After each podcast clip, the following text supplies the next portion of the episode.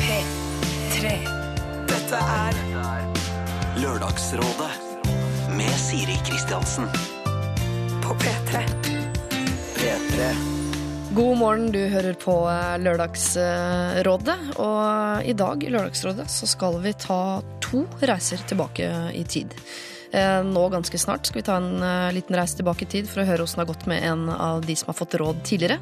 Og i, eh, ja, innen klokken tolv i hvert fall så skal vi ta en annen, også kort reise tilbake i tid, men da til et problem som jeg føler vi ikke fikk løst forrige uke.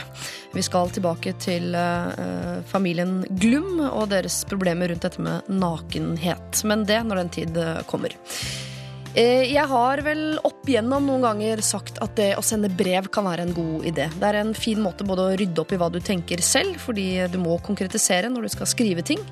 Eh, Det gir deg tid til å tenke gjennom hva du egentlig føler og mener, og det gir også tid til den som leser brevet, til å ta inn over seg hva det er du prøver å si, uten å ha muligheten til å eh, surne i for stor grad, eller komme med innvendinger i for stor eh, grad.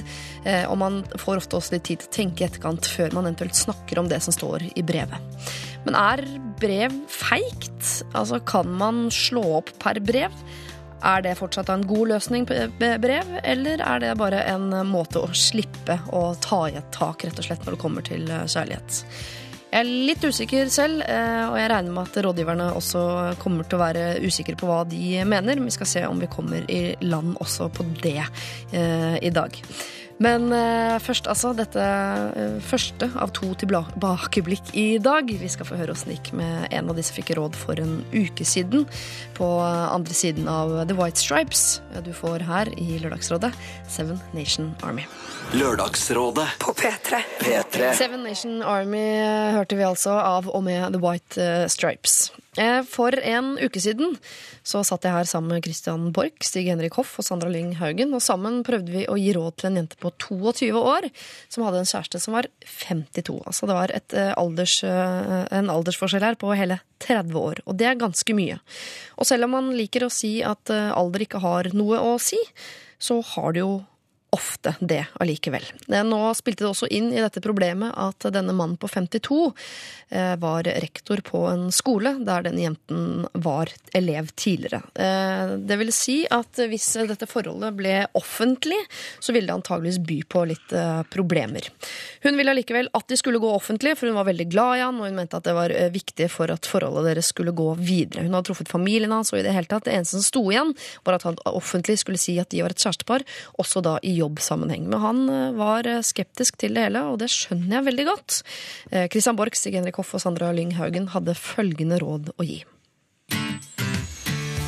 For det første tror jeg følelser transcenderer alder fullstendig. Altså Alderen har ingenting med saken å gjøre. Den er helt irrelevant på en måte når det kommer til følelser mellom mennesker. Hadde hun vært under 16, så hadde det vært noe annet, men hun var jo ferdig òg på skolen. Så hun er jo voksen, hun også, Ja. tenker jeg da. Så hvis du var engstelig for de sosiale reaksjonene på en sånn situasjon som dette her, så vil du jo kvele det følelsesmessige forhold. Da vil du komme skjevt ut i alle retninger, på en måte. Altså Det er en grunnleggende ting som har med følelser å gjøre, og det er redelighet, ærlighet. Det er jo han, gamle gubben. Misforstå meg rett, han er jo det i forhold til henne. Han er jo en gammel utslitt Han er jo en ung mann. Han er jo det. I forhold til henne I på forhold 22? til henne, ja, så er han jo det. Og det er klart at alderen hans gjør jo ikke nødvendigvis dette her Altså, han kan ikke slippe unna å rydde opp og være streit og ærlig og si at det er oss to forever og sånn og sånn, hvis det er det han mener. Jeg er på samme nivå mentalt. Jeg har i hvert fall vært det med de, de to jeg har vært sammen med som har vært eldre enn meg. da. Ja. Så det blir jo sånn Hvis du skjemmes over det, så Altså Da er du ikke verdt min kjærlighet, da. Dette er Lørdagsrådet På P3. P3. Evig romantiske Christian Borch og den noe mer konkrete Sandra Linn Haugen, og for ikke snakke om også Stig Henrik Hoff. Vi har fått eh, mail fra denne unge jenta, og hun skriver nå til oss. Hei igjen, kjære rådgivere. Jeg spilte podkasten for min kjæreste, og det første han sa når den var spilt, var Men de har jo ikke hørt hele historien, jo. Han mener det er viktig å få med at de for øyeblikket på denne skolen har en såkalt fyringsrunde. Altså folk kommer til å få sparken på denne skolen, eh, og de vet ikke helt hvem som får sparken ennå. Eh, Den siste som skal få sparken fra skolen, det blir ikke avgjort før etter sommerferien. Det vil jo da si at eh, han er ekstra redd for å offentliggjøre dette forholdet nå. Og det forstår jeg godt. Så hvis det hensynet skal tas, så vil det si at først til høsten en gang, eller nærmere jul, så vil det kunne gå ut med denne kjærligheten. Og det tror jeg nok innsender her syns er lenge til. Han ville også nevne at eh, han har ikke tatt denne avgjørelsen alene, dette med å hemmeligholde. Han har en god venn på skolen som har jobbet der lenge. Eh, Og det virker som om eh, han syns også at eh, de skal vente med å offentliggjøre denne kjærligheten. Burde jeg gi han litt slingringsmonn, spør hun igjen. Og svaret mitt på det er bare ja. Man skal alltid gi hverandre litt slingringsmonn i kjærligheten, uansett om det er alder som er forskjellen mellom dere, eller om det er religion, eller om det er avstand, eller hva det nå måtte være. Så ja, gi han litt slingringsmonn. Takk for at vi fikk begge, eller mer informasjon og begge sider av saken. Og jeg tror nok her, kjære deg, at du må ha litt is i magen. For eh, selv om evig romantiske Christian Borch mener at eh, kjærlighet er det viktigste og trumferer alt, så er det mye hverdag også i livet. I av de 365 dagene vi får til rådighet per år, så er det mye av det som rett og slett er ganske konkret, og som er hverdag. Og eh, kjærlighet trumfer ikke absolutt alt. Vi har blant annet noe som heter Norges lover, og jeg tror ikke vi kan fortelle den at uh, fint det som står der, svart på hvitt, men kjærligheten er viktigere. Høres bra ut, men jeg tror ikke det er sånn. P3. Dette er NRK P3. Vi har uh, hørt eh, Alpha Waves, Pow Pow og Donkey Boys in Crazy Something Normal før eh, det. Og i løpet av de minuttene der så har jeg fått uh, tre rådgivere på plass uh, ved siden av meg. Jeg vil starte med den ferskeste av oss, fordi du har aldri vært rådgiver før, Karina Olseth. Velkommen, god morgen. Takk skal du ha. God morgen til deg òg. Du er jo veldig godt kjent i min aldersgruppe, fordi vi ser først på NRK Super, så slår vi over på NRK1 og ser på Sporten. Og du er jo begge steder. Ja. Men nå er du mest kanskje Nå er mest borten. Ja. Ja. Og så skal du altså, Du skal nå i sommer òg, skal du ikke? ja, jeg skal bruke sommeren på å se veldig, veldig mange fotballkamper. Og Ja. så skal jeg eh, guide dere gjennom fotball-VM på NRK. Kan du mye om fotball-VM? Ja. Om fotball generelt? Har du spilt fotball? ja. Spiller? Jeg blir aldri helt ferdig med det, for jeg er fremdeles altfor glad til å skåre mål. Så jeg spiller på bedriftsidrettslaget. Ja. Vil du være med? Nei. Overhodet ikke i det hele tatt. Spilt fotball med sønnen min i går på fire. Han er bedre enn meg, så jeg tror ikke dere vil ha meg med. Eh, I dag er du rådgiver, og det er du sammen med to eh, litt rare fyrer. Det har jeg allerede sendt deg på mail, bare for at du skulle være forberedt på det. Eh, Magnus Devold, du er en av dem. Ja, en av de rareste. En av de aller rareste jeg vet om. Er jeg det? Ja, det vil jeg nesten påstå. Så rart å høre. Så kom det som et sjokk? Mm, nei. Nei. nei. Hva driver du med for tiden, Magnus? Det er kjempehemmelig. Å ja. Det er ikke- Si da. Vær så snill. nei jeg, jeg jobber med, jobber med TV-program. Ja. Altså, TV-TV eller nett-TV? Eh, TV-TV. Ja, det er spørsmål man må, må stille disse Det er sant, det. Ja. TV er i ferd med å begynne ny TV. Ja. Men dette er altså den eh, gammeldagse TV-en. da, TV-TV-en. Mm. Så spennende. Når kommer det? September. Ja. Jeg skal, eh, jeg skal ikke holde pusten, men jeg skal se på når det Nei, det kommer. er lenge å holde pusten. Det er veldig lenge å holde pusten. Eh, og ved siden av deg, Martin Beyer-Olsen. God Hei, morgen. hei. Hei, hei. Har du fått høre før at du er litt rar, eller? Uh, ja. Ja. Har jo det. Av uh... Mamma og pappa, først og fremst. Begynte der, ja. Ja, begynte der. Stoppa aldri. Ellers går det veldig bra. Eh, Dere har jo vært rådgivere før, så dere får, eh, vi får sammen bare guide Karina gjennom dette her. Det skal gå veldig bra. Men jeg tenkte å høre først eh, våren, som vi nå står midt inni. Nesten sommer, vil jeg påstå. Forbinder dere det med sånn lykke og kjærlighet, eller med brudd og sorg? Lykke og Lykke kjærlighet. og kjærlighet. Lykke og kjærlighet. Ja, jeg må kaste meg på det. Jeg hadde lyst til å si brudd og sorg, men det er jo lykke og kjærlighet. Ja, Snakker dere av egen erfaring, eller er det, bare, er det en klisjé? Nei, det, sånn er det. Mm, faktisk, når jeg tenker meg om, så har alle mine brudd skjedd mellom påske og juni. Ja. Så nå endrer jeg mening. Jeg forbinder det med sorg og fordervelse og død. Jo, men jeg tror det er, veldig, men det er mye brudd på våren, faktisk. Men allikevel så går vi rundt og tenker at det er sånn jolly tid på året. Og alle bare er nyforelsket og går barbeint og kliner og drikker vin av hverandres brystkasse. At det er litt sånn uh, rar stemning på det. Har du fått tenkt deg om nå, Magnus? Ja, jeg har tenkt meg om. Jeg står ved mitt svar lykke og kjærlighet. Er det fordi du er lykkelig og ser kjærlighetspåvirket nå? Ja, ja. Er, er du forelska? litt. Ja. Litt grann Ja, dette ble veldig privat. Vi Ja, må snakke om helt annet. Ja. Det er min jobb å få dere ut på glattisen der. Det har kringkaster sagt. Glattisen etter tre minutter. Det er, Du er så svak. Og Karina, hvis jeg ikke tar helt feil, så er, er du sammen med en kollega her i NRK? Ja, det er jeg. Ja. Er dere lykkelige og forelsket? Vi er kjempelykkelige. Hvem kan mest om fotball? Jeg. Er det sant? Han er sportsmann, han òg. Han er veldig, veldig glad i sport, men han, han ser ikke så mye på fotball. Så han, at han kan mye fra eh, fram til 1990. Og så er kan jeg Nei. Nei. Men han er også sammen med en på NRK. Ja. Så det er liksom greit og trygt å finne en i, i samme. Det er veldig mange i NRK som går sammen to og to i et felles uh, evig gruppearbeid. Det skal uh, kunne sies. Eh, da kan vi egentlig fortsette der. Vi tar alltid en runde på sivil status. Nå har vi skjønt at du er kjæreste, men utdyp. Uh, Samboer, har dere felles leilighet, felles gjeld osv.? Eh, vi, har, vi er samboere, og så har vi et felles kort. Felles uh, Yes. ja. Hvor dere setter inn 10 000 hver i måneden eller sånt? Noe sånt. Som går til regninger eller til kafébesøk? Nei, det går til mat, stort sett. Går til mat, Ja, ja og bensin. Men eh, har dere felles eh, bolig? Nei, det er hans bolig eh, per nå. Men eh, det blir vår snart. Det blir dere snart. Ja. Har dere barn eller dyr? Nei, vi har ingen av delene. Jeg har mest lyst på en hund, men det får jeg ikke lov til. Fordi Fordi det er altfor mye arbeid, og så er jeg så mye på jobb, så da må han gå tur, og det Det blir for mye. Det høres ut som min mann. Men hva slags folk er det disse mennene tror har hund? Er det bare navere som har hund, da, fordi de har så mye eh, tid til overs? Vanlige folk har hund. Det går fint, det. Du har lyst på hund, du òg? Ja. Ja. Jeg syns vi skal få oss hund, da, Jeg Karina. syns òg det. Jeg synes også det. Ja. Hvordan er det med din sivile status, Magnus? ingen kommentar. Nei, hold opp, da. Ikke vær så hemmelighetsfull, da. Jo, jeg må få lov til å være hemmelighetsfull. Men ja, si noe annet, da. Hvordan bolig har du, for eksempel? Har du studielån, si noe sånt? Jeg, Jeg har jo en god del igjen på studielånet mitt, for det er ikke så lenge siden jeg var ferdig å studere. Nei? Og så bor jeg i et kollektiv her i Oslo, sentralt i Oslo, Ja. i Frogner. Er det et eh, eh, bokollektiv? Ja. Bare, Hvor mange er dere? Tre. Tre gutter som kjente hverandre fra før, eller? Jeg kjente han ene, jeg kjente ikke han andre. Nei. Mens han, han eh, ene kjente begge to. Så han er fellesnevneren hos dere. Mm. Ja. Uh, Martin, er du så hemmelighetsfull som eh, Magnus? Nei, jeg er samboer, jeg, vet du. Ja. Jeg bor jo fortsatt i den leiligheten som ble funnet av ingen ringere enn Ja, det var vel meg, det. Det var vel faktisk Siri Kristiansen som fant min leilighet. Så den kjøpte jeg. Der bor jeg fortsatt. Ja, jeg sendte en link på mail. Denne leiligheten her syns jeg du skulle kjøpe. Mm. Så de dro jeg bort, kjøpte den leiligheten.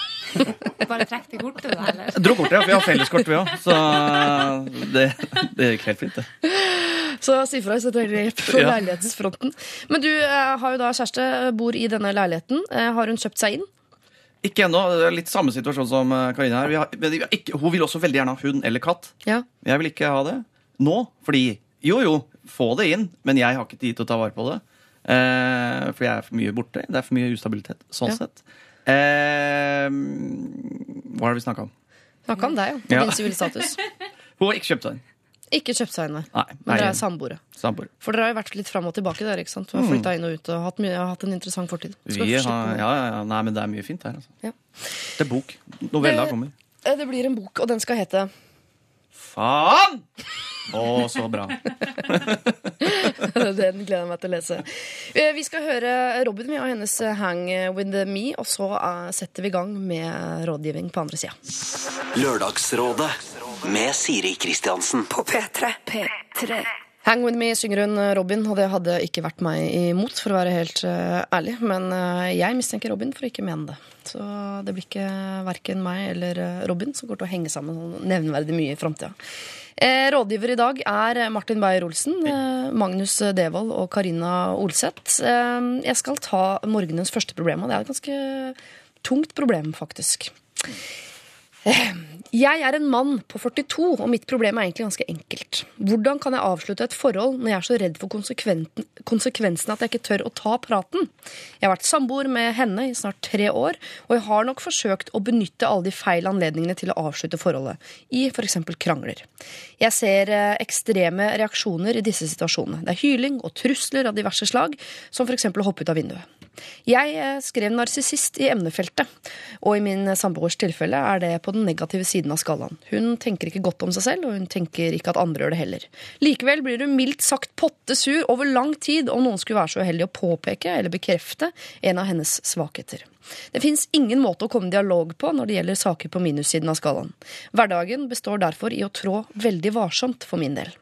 I hverdagen er hun dessuten ekstremt sjalu. Jeg har lurt på om det er legitimt i slike tilfeller å bare stikke av. Eh, La et brev ligge igjen og bare reise. Det høres jo enkelt ut, utgangspunktet, men det vil jo innbefatte følelser og uvisshet om hva hun kommer til å finne på. Og garantert et rent helvete for hennes del. Takk for råd. Hilsen frustrert og sliten samboer. Altså, Han ønsker å ta den lette veien ut for sin egen del, egentlig, men er jo samtidig veldig redd for hvordan dama skal reagere. Jeg tenkte først, eh, Det her er verdens mest konfliktsky mann. Ja. Men så snudde det litt. At det er mer hun som er sprø. Ja. Og det han kan, jo ikke, han kan jo ikke legge så altfor mye vekt på det, egentlig. fordi hvis han ikke vil være der, så er jo det en ærlig sak. Ja, men Syns du da at han skal gjøre, gjøre det slutt Ikke stikk via av. brev Nei, etter tre år? Ikke, ikke, ikke stikk av. Nei. Ta den praten. Og så må han jo bare Det er jo livet sjøl, det. Takle sånne ting. Jo, men jeg, jeg er helt enig. Alle er jo litt konfliktsky. Eh, og man blir jo ikke noe mindre konfliktsky av å ha en kjæreste som truer med å hoppe ut av vinduet når man tar opp vanskelige ting. Så jeg skjønner jo at han ønsker å skrive et brev og ikke ta den eh, praten. Men Slå, er det, slå opp i første etasje. det er ikke så, Eller på en på eh, gatekafé. Eller gatekafé. Ja. Det Kanskje ikke så dumt. Hva tenker du, Martin? Eh, Ja, igjen, altså sånn, man, ja, man kan ikke stikke. Man må ta den praten. Må, men jeg, jeg ser jo hans eh, erfaringer med, med dette, og at det gjør det veldig veldig vanskelig. Altså, det er jo fryktelig irriterende. Og jeg har også hørt flere som jeg har vært borti dette her. Det er så mye trusler og, og sånne ting. Og så er det selvfølgelig Eller i hvert fall de har hørt aldri noe mer i det, heldigvis. Men det er jo det der ekstreme oppmerksomhetsbehovet nå. Livet mitt rakner. Og det føles jo sånn når man blir slått opp med, og spesielt hvis man er veldig avhengig av den andre parten. og sånne ting. Eh, og det er veldig sånn skeivhet i maktforholdet. Så, så føles det jo ut som faktisk at livet faller i grus. Ja. Eh, men jeg tenker jo for hans del, man må stå i det, og man må tåle å se de ekstreme følelsene fra andre sida, og så må man også være der, kanskje guide litt igjennom, men også let go. Det vil jo rakne, det vil jo rakne, Vil jo rakne. Hvis han ikke har lyst til å være i det forholdet, så kommer det jo til å rakne på en eller annen måte. Ja. Han må da- bare ta den praten, og så må han ikke skrive brev. Alle er imot brev. Hvorfor er du så imot brev, Karina? Fordi at hvis jeg hadde kommet hjem og det lå et brev der, så hadde, da hadde det klikka for meg. Eh, og hvis han er der og snakker, så kan han jo Hvis hun er så gæren som han sier hun er, så, så kan hun jo få lov til å slå litt på han. Men han er 42 år. Da, da skriver man ikke et brev. Det kunne du kanskje gjort hvis du var 15. Ja, som mener at eh, tida er, altså, den er ute for brev. Han har blitt for gammel. Ja. Men eh, alle er enige om at han må komme seg ut av dette forholdet. For det, hverdagen består i å trå veldig varsomt. Det høres ikke ut som en god hverdag for han. Men er dere helt sikre på eh, dette med brev? Fordi jeg tenker at Hvis hun er en sånn som reagerer voldsomt på disse eh, typiske situasjonene hvor de snakker om ting som er vanskelig Kanskje derfor er det bedre å bare eh, Et brev må man jo lese gjennom. Man har ikke muligheten til å stoppe underveis og komme med innvendinger eller eh, sette spørsmål. eller sånn. Man må faktisk lese fra, eh, fra begynnelse til slutt. Og så har man jo masse tid, for man er aleine, så kanskje de verste reaksjonene får lagt seg litt. Og så kan man ha den praten. Jeg er enig i at han kan jo ikke stikke av, men å, å slå opp på brev, men gjøre seg tilgjengelig sånn om tre dager kan vi treffes på kafé, men les dette brevet først og tenk litt, så snakkes vi. Men hvis hun mener at hun skal hoppe ut av vinduet, så har hun jo allerede gjort det før de tre dagene har gått. Ja, er det hans, Jeg vil jo ikke at hun skal hoppe ut av vinduet, men eh, er det hans, altså, han kan jo ikke bli hos henne for å øh, stå foran vinduene, på en måte. Hun vil jo ansvarliggjøre han hvis hun hopper ut av det vinduet. Det, det har hun jo sagt. Hvis du går fra meg, så hopper jeg. Ja. Da kan han jo ikke gå. Men, eh, Men det- hopper hun da vinduet hvis hun er alene? Det virker bare, jeg tror liksom, jeg kunne hoppet ut hvis kjæresten var Eller jeg kunne jo ikke det, men la oss si jeg kunne det. da Hvis kjæresten min sto og gjorde slutt med meg, så kunne jeg hoppet ut av vinduet. For å, det er mest for å vise han. Ha-ha, se hva du får meg til å gjøre. Men Men hvis han ikke er der, det bare ligger et brev, så blir det sånn Hæ, ditt brev, se hva jeg gjør nå! Hvis en jente Det virker bare hopper ut av et vindu uten at noen har sett det, har hun da hoppet ut? For eksempel. er det da vondt å treffe bakken? Eh, Jeg tror ikke hun hopper ut av et vindu hvis det er et brev. skjønner du Fordi Hun hopper ut av vinduet for at, noen, for at han skal se det. Og han er jo ikke der. Det tror også jeg. Sorry, det er Det er ikke meningen, som, men jeg, bare, jeg, er så, jeg er så veldig for det brevet. Nå snudde du, du snudde meg litt nå. Men du vil ha brev med tilgjengelighet? Ja, Han kan ikke stikke av. Det kan han ikke gjøre. Men i noen dager, jo. Så han må ta inn på hotell. Det er en lang prosess her. det, det, det blir Skal være dyrt. det blir, ja, han må jo spare. Ja. Hotell tidlig òg, sånn at du får det billigere. Ja. Ja. Men det må jo ah, den, den er vond, men den eh, jeg, jeg, jeg, er også, jeg Det jeg er enig med deg i, er jo det oppmerksomhet. Hun vil jo gi de reaksjonene overfor han. Jeg tror Ja. ikke hun nødvendigvis vil hoppe ut av vinduet. Ja, det tror ikke jeg heller. Nei. Så ja, Siden du er så veldig påståelig på det, Nei, så kan jeg, jeg kan være med på brev med tilgjengelighet. Brev. Eh, eller, eller Og hvis det er for gæren, hvis du er for gæren, Mm. da må det jo profesjonelle folk inn i bildet, tenker jeg også. Men jeg syns også jeg hører at dette er en dame som trenger egentlig å ikke være sammen. Hun trenger å finne ut av ting på egen hånd og bli normal, og så kan hun finne kjærligheten. Så hun gjør han jo Han gjør henne jo en tjeneste. Eh, hvis hun ikke hopper ut av et vindu, da. Ja. Nei, jeg, jeg er jo frista til å konkludere med uh, mitt eget råd, selvfølgelig. Det er ikke Gjør det. Jeg er uenig i brevet. Du er eh, uenig? Det liker jeg. Men eh, tilgjengelighet er viktig. Ja. Prat tilgjengelighet kanskje en ukes tid, og så er det jo til hennes eget beste at han ikke er der lenger. Frustrert, sliten samboer. eh, Du må slutte å trå varsomt. Det er til eh, ditt og hennes eget eh, beste, egentlig, at dere går hver deres vei. Hvordan du gjør det, det får du velge litt selv, men du må være tilgjengelig. Så om du skriver brev, så må du allikevel være tilgjengelig. Ergo du får nei på dette med å stikke av. Det får du ikke lov til. Og så får du både ja og nei på om det er lov å sende brev. Men om du sender brev eller tar praten, så må du uansett være tilgjengelig ganske umiddelbart etterpå. Tusen takk. Jeg vil virkelig vite hvordan dette går. Love Me Again synger han John Newman, og før det har vi også hørt eh, Benjamin Frank med sin eh, Pictures her i Lørdagsrådet. Stemor. Når jeg sier det ordet, så har ikke det nødvendigvis noe positiv eh, klang. Eh, veldig ofte forbundet med noe negativt, selv om det helt sikkert fins fortreffelige stemødre der ute. Jeg kunne nok ikke blitt en av dem. Jeg hadde blitt en helt eh, horribel stemor. Jeg hadde blitt eh, sånn som hun i Askepott, antagelig, som hadde fått ungene til å sortere brune fra hvite linser og i det hele tatt nektet dem å gå på ball mens jeg hadde kjøpt silke til mine egne barn. Sånn er jeg skrudd sammen. Jeg har også en eh, stemor av den typen Altså, har dere sett Har dere sett 101 dalmatinere? Husker dere krølla de Vil? Sånn er min stemor. Hun er eh, fransk og nokså uh, grusom dame, for å være helt ærlig. Jeg vasket en gang føttene mine i hennes bidé. Eh, da klikket hun, fordi bidé var møkkete, for jeg hadde vasket bena mine der. Så tenkte jeg, men du vasker jo rasshølet ditt. Der, ditt jævla rasshøl.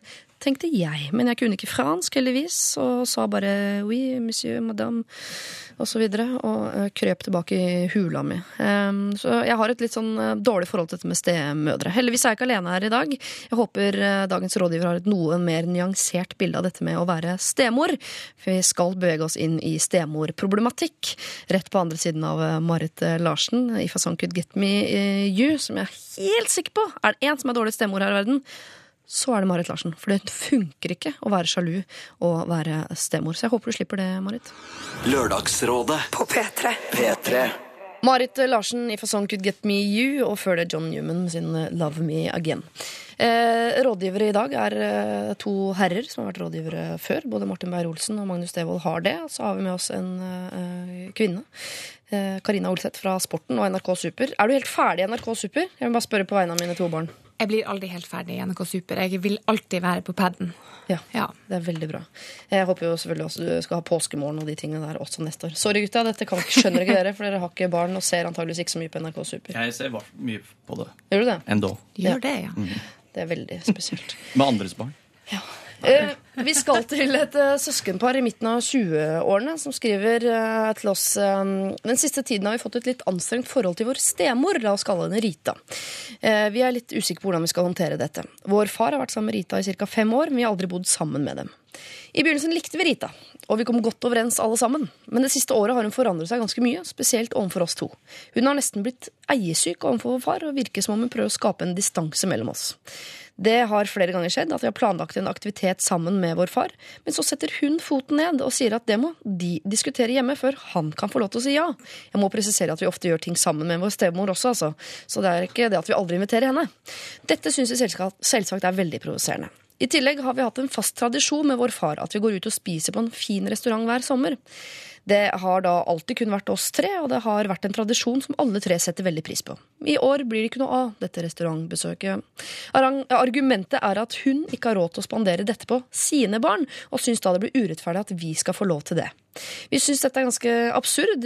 Vi har ikke et veldig nært forhold til hennes barn, og vi har heller aldri gjort ting sammen med hennes barn, så hvorfor vi plutselig skal behandles likt når vi er voksne alle sammen, syns vi er merkelig. Vi føler denne kontrollerende oppførselen eh, gjør at vi trekker oss unna, for det blir for slitsomt å være sammen med dem sammen. Vi ønsker egentlig nå bare å treffe pappa, men syns i grunnen det er trist. Vi har alltid likt henne godt og har alltid hatt en god tone, så forstår derfor ikke hvorfor hun plutselig har forandra seg, og nærmest virker som om hun prøver å holde oss unna pappa. Skal vi konfrontere pappa med dette? Og i så fall, hvordan skal vi gå fram? Vi vil jo ikke at han skal bli såret av det vi sier, men samtidig vil vi at han skal forstå at dette orker vi ikke lenger. Hilsen frustrert søskenpar. Noen som har stemor eller stefar her? Nei. Herregud, for en streit gjeng. Mm. Ja. Men kan dere likevel kjenne dere igjen eller oppfatte situasjonen? Jeg har hørt om stemødre. Du har det? Mm. Ja, Det er positivt. De dukker opp i eventyr, blant annet. De gjør det. Ja, da. Der er de onde som bare det. ja. Men hva er det Skal vi prøve å sette oss inn hva er det stemor driver med her?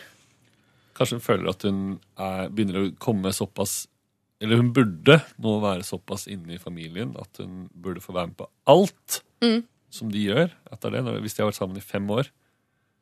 Ja, men Hun tilbyr seg ikke å være med på dette restaurantbesøket heller. Hun syns bare at restaurantbesøket ikke skal finne sted. Fordi hun har ikke råd til å gå på restaurant med sine barn, så skal ikke han få lov til å gå på restaurant med sine barn. Det er for drøyt. For drøyt. vet, Det var drøyt. Er det, men er det spandering inne i bildet her? Hun nevner jo hardt spandering. Eh, Det virker som de tre betaler hver sin eh, rett. Ja, Det tviler jeg på. Når man går på restaurant med foreldre, det sier jeg bare fra om uh, mamma, hvis du hører på, så betaler ikke barna. Jeg driter i alderen og hvem som tjener mest. Mor og far betaler til den dagen de dør, og sånn er det. Jeg er helt enig i det. Men eh, jeg syns ikke den skal gå til faren, for det her er jo ikke faren som gjør noe galt. De må jo gå til stemor og spørre du som var så snill og grei, hva faen skjedde? Ja. Eh, ja, kanskje det er lurt, Det er jo der problemet ligger. Fordi at det jo, Hvis du går til faren, så får jo han dårlig samvittighet for at han er sammen med mora, og så får han dårlig samvittighet overfor dem for at han ikke følger opp og gjør de tingene de gjorde før stemora kom inn i bildet. Han er jo sikkert glad i jo stemora, så Ja. da setter de jo faren i en skvis. Gå dit problemet ligger, ta det ved rota og røkk det opp. Uh, det hørtes tøft ut. Jeg, jeg, jeg har en teori. Eh, og dette har dere sikkert ikke tenkt så mye på fordi dere ikke har steforeldre selv. Men det virker som om eh, menn, idet de blir sammen med kone nummer to, så blir de bikkjer. Altså, da er det så innmari eh, dame nummer to som styrer og holder på, og far bare er takknemlig for at han har fått en ny trygg havn å lande i. Så han går med halen mellom beina derfra ut. Og tøkk, og, altså, de, jeg syns alle menn virker så fislete på runde nummer to.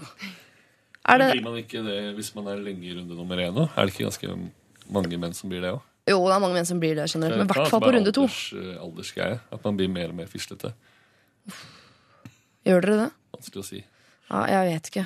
Men øh, øh, hva tenker dere om å konfrontere far, da? Jeg tenker jo litt på det, da. Ja. At det, det, altså sånn, det har jo noe for seg, det òg, fordi man må jo Det er jo Det er jo han som burde ha også best kontakt med da sin kjære.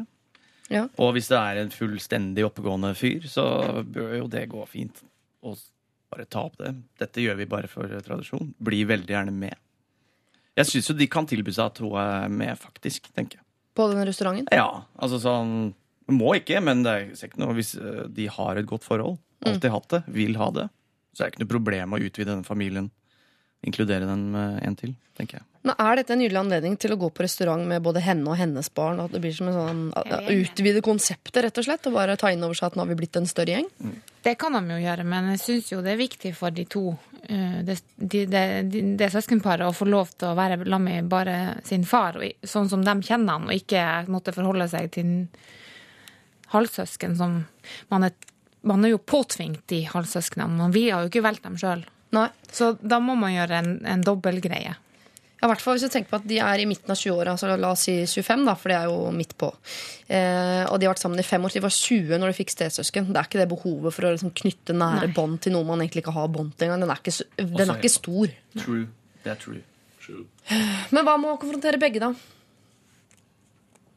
Samtidig. Ja, men det, altså, så det, man må, jo- det er jo en eller annen rot som må røskes ved her. Ja. Eh, og om det er den store eller den lille eller to mindre eller eh, alt på en gang. Det er mye verre for faren å bli konfrontert, for da blir han veldig, sånn, sikkert veldig dratt mellom midt i den krangelen. Ja. At, eh, at det er bedre å ta det med Eventuelt ta det med far først og med stemor etterpå, eller omvendt. Ja, for de vil ikke at han skal bli såret av det de sier. Men hva er mest trist? At du mister kontakten med barna dine, eller at barna dine tør å si fra når de eh, syns de får for lite kontakt med deg? Altså, Jeg mener Det er en helt ærlig sak. da. Nå vi, må, vi vil ha den kontakten med deg. Ja. Det har skjedd. Det, det syns vi er bare veldig trist. Hvorfor skjer dette? Ja. Dette må vi finne, denne må vi ordne opp i. vi savner deg, pappa. Mm. Kan si det sånn. Åh, sorry, det skjer noe med meg når jeg hører Tromsø-dialekt. Em, ok, eh, frustrerte søskenpar. Eh, faren deres blir ikke såret av at dere savner han og vil være mer sammen med han. Eh, så dere må, her må dere gå i konfrontasjon. Og så kan dere egentlig jeg, vet, jeg klarer ikke helt å bestemme om det er best å konfrontere han eller henne eller de, men kanskje jeg tror jeg tar bort de. Fordi det er vanskelig for han å bli stående mellom barna og kona. Så eh, det kan være veldig effektfullt tror jeg, å konfrontere eh, stemor her.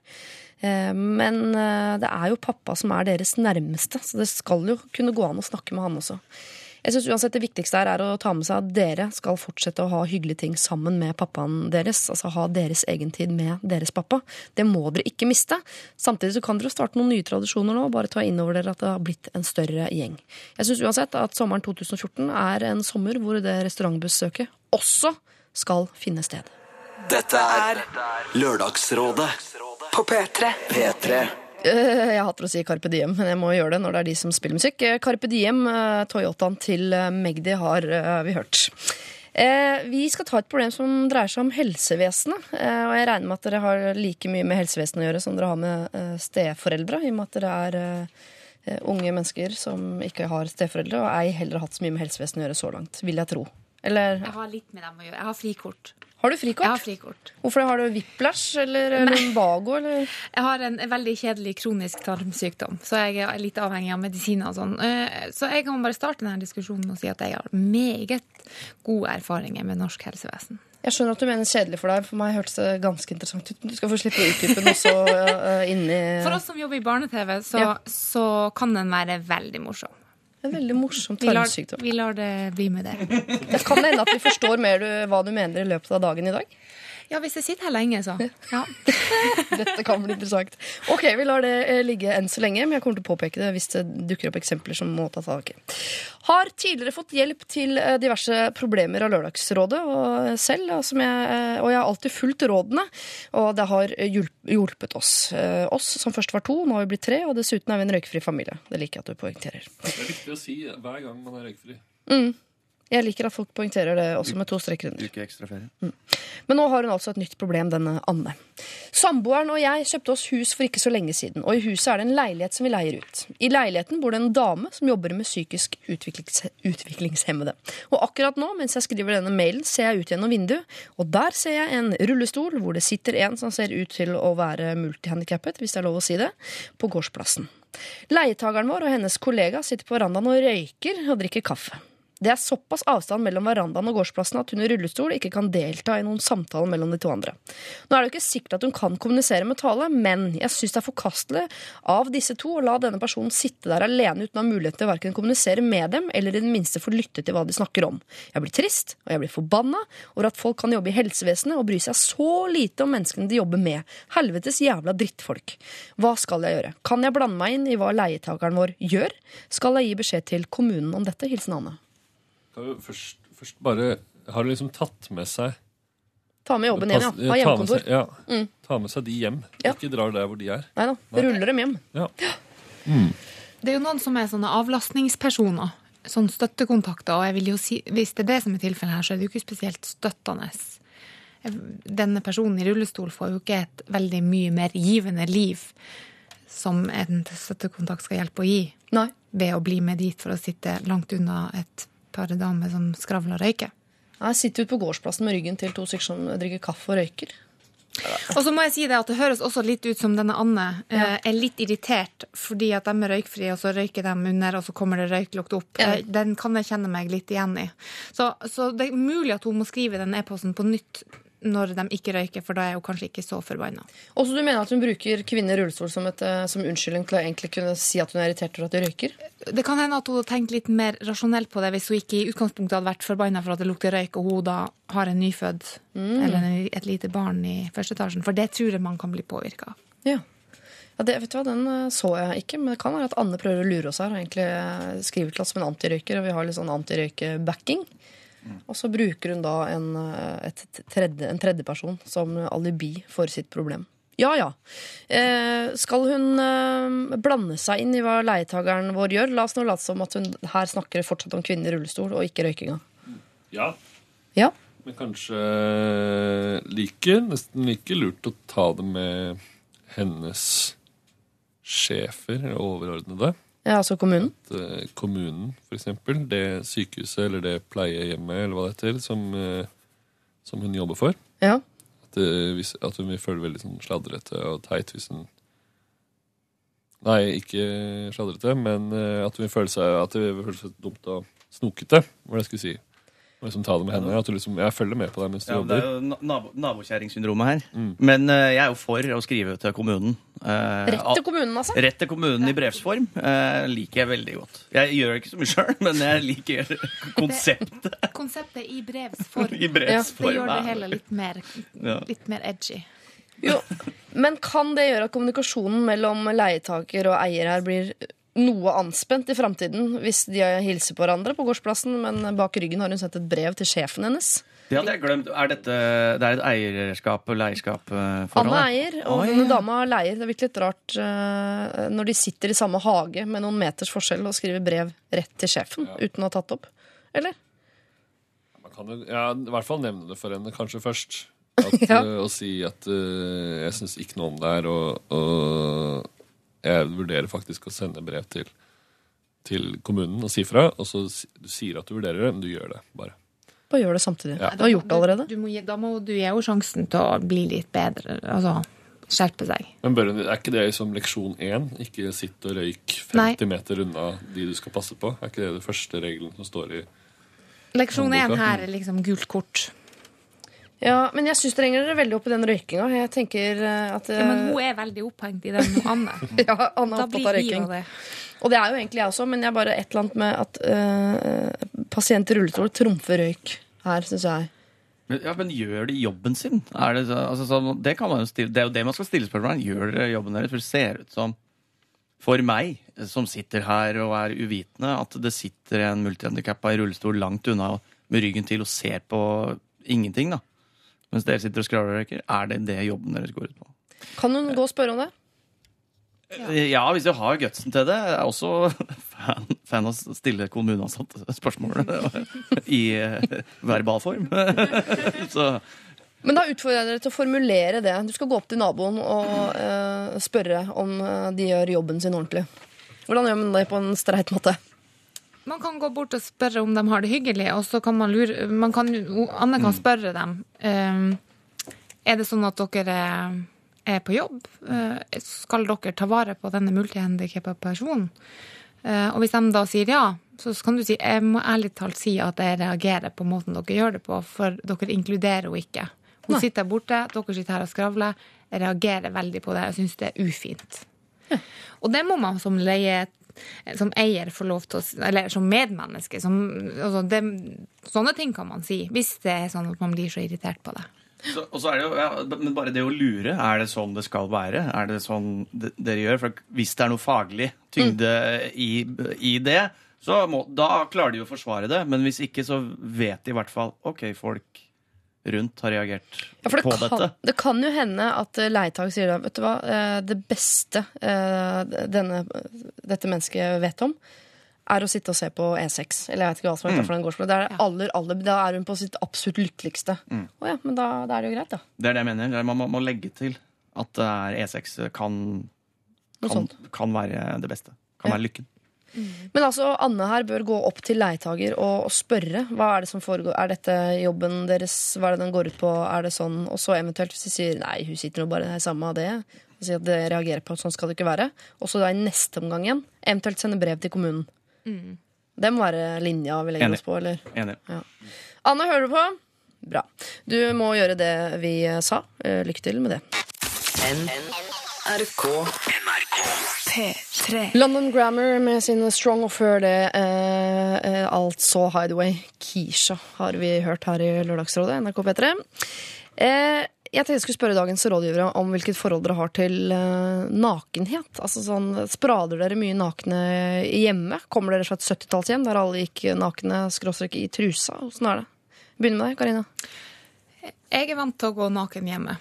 Ja. Eh, eh, Foreldrene mine gikk ikke så mye naken, men, men eh, eh, de gikk mye i trusa. ja. Men for det, det husker, jeg husker veldig litt hjemmefra, men jeg altså innbiller meg at folka mine gjorde det. Ja. Det husker jeg. Jeg husker veldig godt at de gikk i trusa. Eh, Min far har aldri hatt en badebukse eh, før de siste kanskje ti år, for da ble vi så voksne at vi kjøpte han en badebukse, eh, Ja. badeshorts. Men han har gått rundt i trusa hver sommer så lenge jeg kan huske. Ja. Er ikke det for kaldt i Tromsø? Han er Nei. Nei. I trusa? Ja. Ja, yes. Åssen er det hos dere, Devold? Dere er jo en nøktern familie, har jeg inntrykk av. Ja, nøkternt. Ikke så mye hud. Nei. Der. Og nå bor jeg i første etasje, så nå kan jeg ikke være så mye naken. Du sover med klær er liksom du er... Sover ikke alltid med klær, nei. Nei. Særlig nå når sommeren nærmer seg. Da er du mer Så naken enn på vinteren. Det er sjukt. Det hadde jeg tatt med i en eventuell bok en gang. At du er mer naken om sommeren enn om vinteren. Ikke sant? Men er det mye nakenhet i Altså, er du oppvokst med nakne foreldre? Nei. Nei. Ikke Vi De har ofte hatt klær på de. Veldig ofte klær på. Åssen er det med deg, Martin? Du er fra Rakkestad. Åssen er ståa der ute? Ja, det er jo halvparten har jo ikke klær i Rakkestad, så det er jo Vi, vi kommer fra en høyerestående familie, selvfølgelig, så vi hadde jo både Både klær og ikke klær? Ja, Ja. men jeg kommer fra et trusehjem. Uh, ikke, så mye, ikke så mye nakenhjem, men trusehjem. Kommer fra trusehjem. Jeg synes det, Har det gjort noe med deg? Liksom? Ja, eller jeg husker jo ja, Så jeg tenker eh, Ja, grensa går ved truse. Jeg er ikke så hypp på å se the long balls, eh, så jeg tar til takke med truser. Altså. Ja. Syns det setter pris på god truse. Men både du og Karina sier truse på mor. Da mener dere truse og bh, eller mener dere toppløst? At det Eh, gås truse, toppløst? det, ja, gjerne noe BH eller T-skjorte eller et eller annet. Det, det, det har vært både og i det bursjorske hjem. Ok, eh, Grunnen til at jeg spør, er fordi vi skal ta tak i et problem som vi eh, tok tak i forrige lørdag også. Men for første gang i Lørdagsrådets historie, så eh, jeg syns ikke det var nok. Jeg var ikke fornøyd rett og slett med rådgivninga forrige uke, så jeg tar en ny eh, Ja, det, det, men det er første gang. Eh, jeg syns det var for svakt, så, jeg tar en ny runde nå med dere og håper at eh, vi klarer å nyansere bildet noe mer enn forrige eh, trio her i Lørdagsrådet. Vi skal atter en gang tilbake til herr og fru Glum her i Lørdagsrådet. Men først eh, tar vi turen innom eh, Sondre Lerche og hans Bad eh, Law. Eh, Og han tror jeg er en fyr som veldig sjeldent tar av seg trusa. Dette er Lørdagsrådet. På P3. P3. Bitte, bitte lille Sondre Lerche og hans Bad Law har vi hørt. Og før jeg presenterer dagens rådgivere sånn ordentlig, så skal jeg si noe om hvem som var rådgivere forrige lørdag. Da hadde vi altså Christian Borch her, vi hadde Sandra Lyng Haugner her, og vi hadde Stig Henrik Hoff her. Og de fikk et problem fra fru Glum. Hun og mannen herr Glum hadde to sønner på ni og seks år, og mannen mente at fru Glum ikke skulle sprade rundt i truse og bh i huset av hensyn til naboene, og at hun ikke skulle være naken på badet, dusje, gå på do osv. når sønnene var til stede. Og dette var et problem som eh, herr Glum hadde. Ikke uttrykt noe problem fra verken sønn nummer én eller sønn nummer to.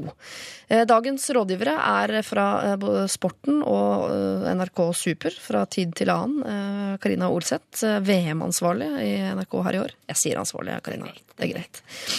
Magnus Devold, altså kongen av eh, Instagram, er det lov å si det? oi, oi. Det er veldig lov å si. Ja, jeg har slutta å like ting jeg, når du legger ut på Instagram, for jeg er så misunnelig. En mindre like fra meg betyr at at vi er nærmere hverandre er i likings. Ja, så setter like dine ting også. Ja.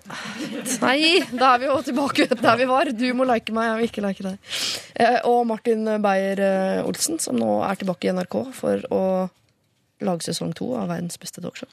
Ja, det blir, det blir i hvert fall jeg og Lars. Ja, så bra. Og jeg er kongen av LinkedIn, bare så det er sagt. Jeg liker det. jeg liker det. Hvor mange endorsements har du? Ah, hundrevis. Folk fra mediebransjer i hele Europa endorser meg som mye rart. Dette- Jeg vet ikke hva endorse er. Det er sånn man kan gi hverandre sånn derre Å, han er god på kameri. Han er god på kameri, Ja. Jeg har tre. Nerdeprat fra flanken. Jeg liker det. Vi skal ta en ny runde med herr og fru Glum. Men før jeg slipper dere løs på herr og fru Glum sitt problem, så skal dere få lov til å høre forrige ukes rådgivere og hva de mente. Så skal dere få slippe å på en måte eh, tråkke den samme stien. Det der å drive og tukle rundt eh, naken i alle mulige fasonger med og uten truse og BH på vei opp og ned trappen etc., etc., etc. Altså du imposerer på en måte. Altså du, du trøkker liksom greie inn på et følelsesliv som kanskje ikke er innstilt på de tingene. Det kan jo skape litt eh, et eller annet rart når de begynner å bli skjønnsmoden. At eh, de vet kanskje litt for mye. Ja, det er jeg ikke enig altså. Det kan jo hende at det er det, men samtidig truse og BH er jo ikke noe Jeg tror BH er jo bikini. Ja, men Ja, herregud. det er jo helt vanlig. Om det er lagd av bomull eller mikrofiber. Ja. Det er ikke der vi traumatiserer Nei, eh, men- Det barna. er, ikke, altså, det er ikke spørsmål om hva det ligner. Altså, spørsmålet er hva det oppfattes som. Og det oppfattes jo definitivt ikke som en bikini. Det der er bare tull. Men jeg bader i badekar for eksempel, sammen med min sønn på fire. Når skal jeg stoppe med det? Når han blir 15, er det kanskje litt rart. Ja. Nei, da Innen den tid. Innen den. Det jeg faktisk lurer på om kan være det beste rådet her til fru Glum. Ja. Det var litt dumt at du kom herr Glum i forstøpet her. Jeg vil gjerne Ja, lese mailen fra herr Glum. jeg. Ja, ja, Hva er det vi han tar mener den. er problemet vi her? den. Vi tar den, Ja. eh, Kan ikke han sende oss en mail Ja. nå i farta hvis han hører på dette programmet og får hans versjon av det? Dette er Lørdagsrådet På P3. P3. Christian Borch eh, og Stig Henrik Hoff og Sandra Lyng de eh, tilbød seg å komme tilbake til Lørdagsrådet i dag og ta en ny runde på det. Eh, Jeg takker for tilbudet, men nå har jeg tre andre storartede rådgivere her, så jeg ser ikke grunnen til det. Er, skjønner dere problemet her? Altså, vi, vi har fått vite da fra fru Glum nok en gang at det herr Glum mener, eller det som er hans argument her, er at sånn gjør vi ikke. Det er, på en måte, det er det vi har fått av Refil siden sist på saken. Skal hun ta hensyn til eh, naboer, eh, henhold til å gå i truse-BH? Og skal hun slutte å vise seg naken for sønnene sine på eh, ni og seks år, selv om de ikke har uttrykt at de syns det er problematisk? Ikke vær redd Nei, for å si noe. Nei, jeg, jeg merker jo sånn Når jeg var ni og seks år Jeg hadde jo store problemer med helt å snakke. Så jeg tror ikke jeg hadde kommet med et seriøst sånn argument til moderen hvis hun sprader ut naken. Bare, Du, nå er det greit.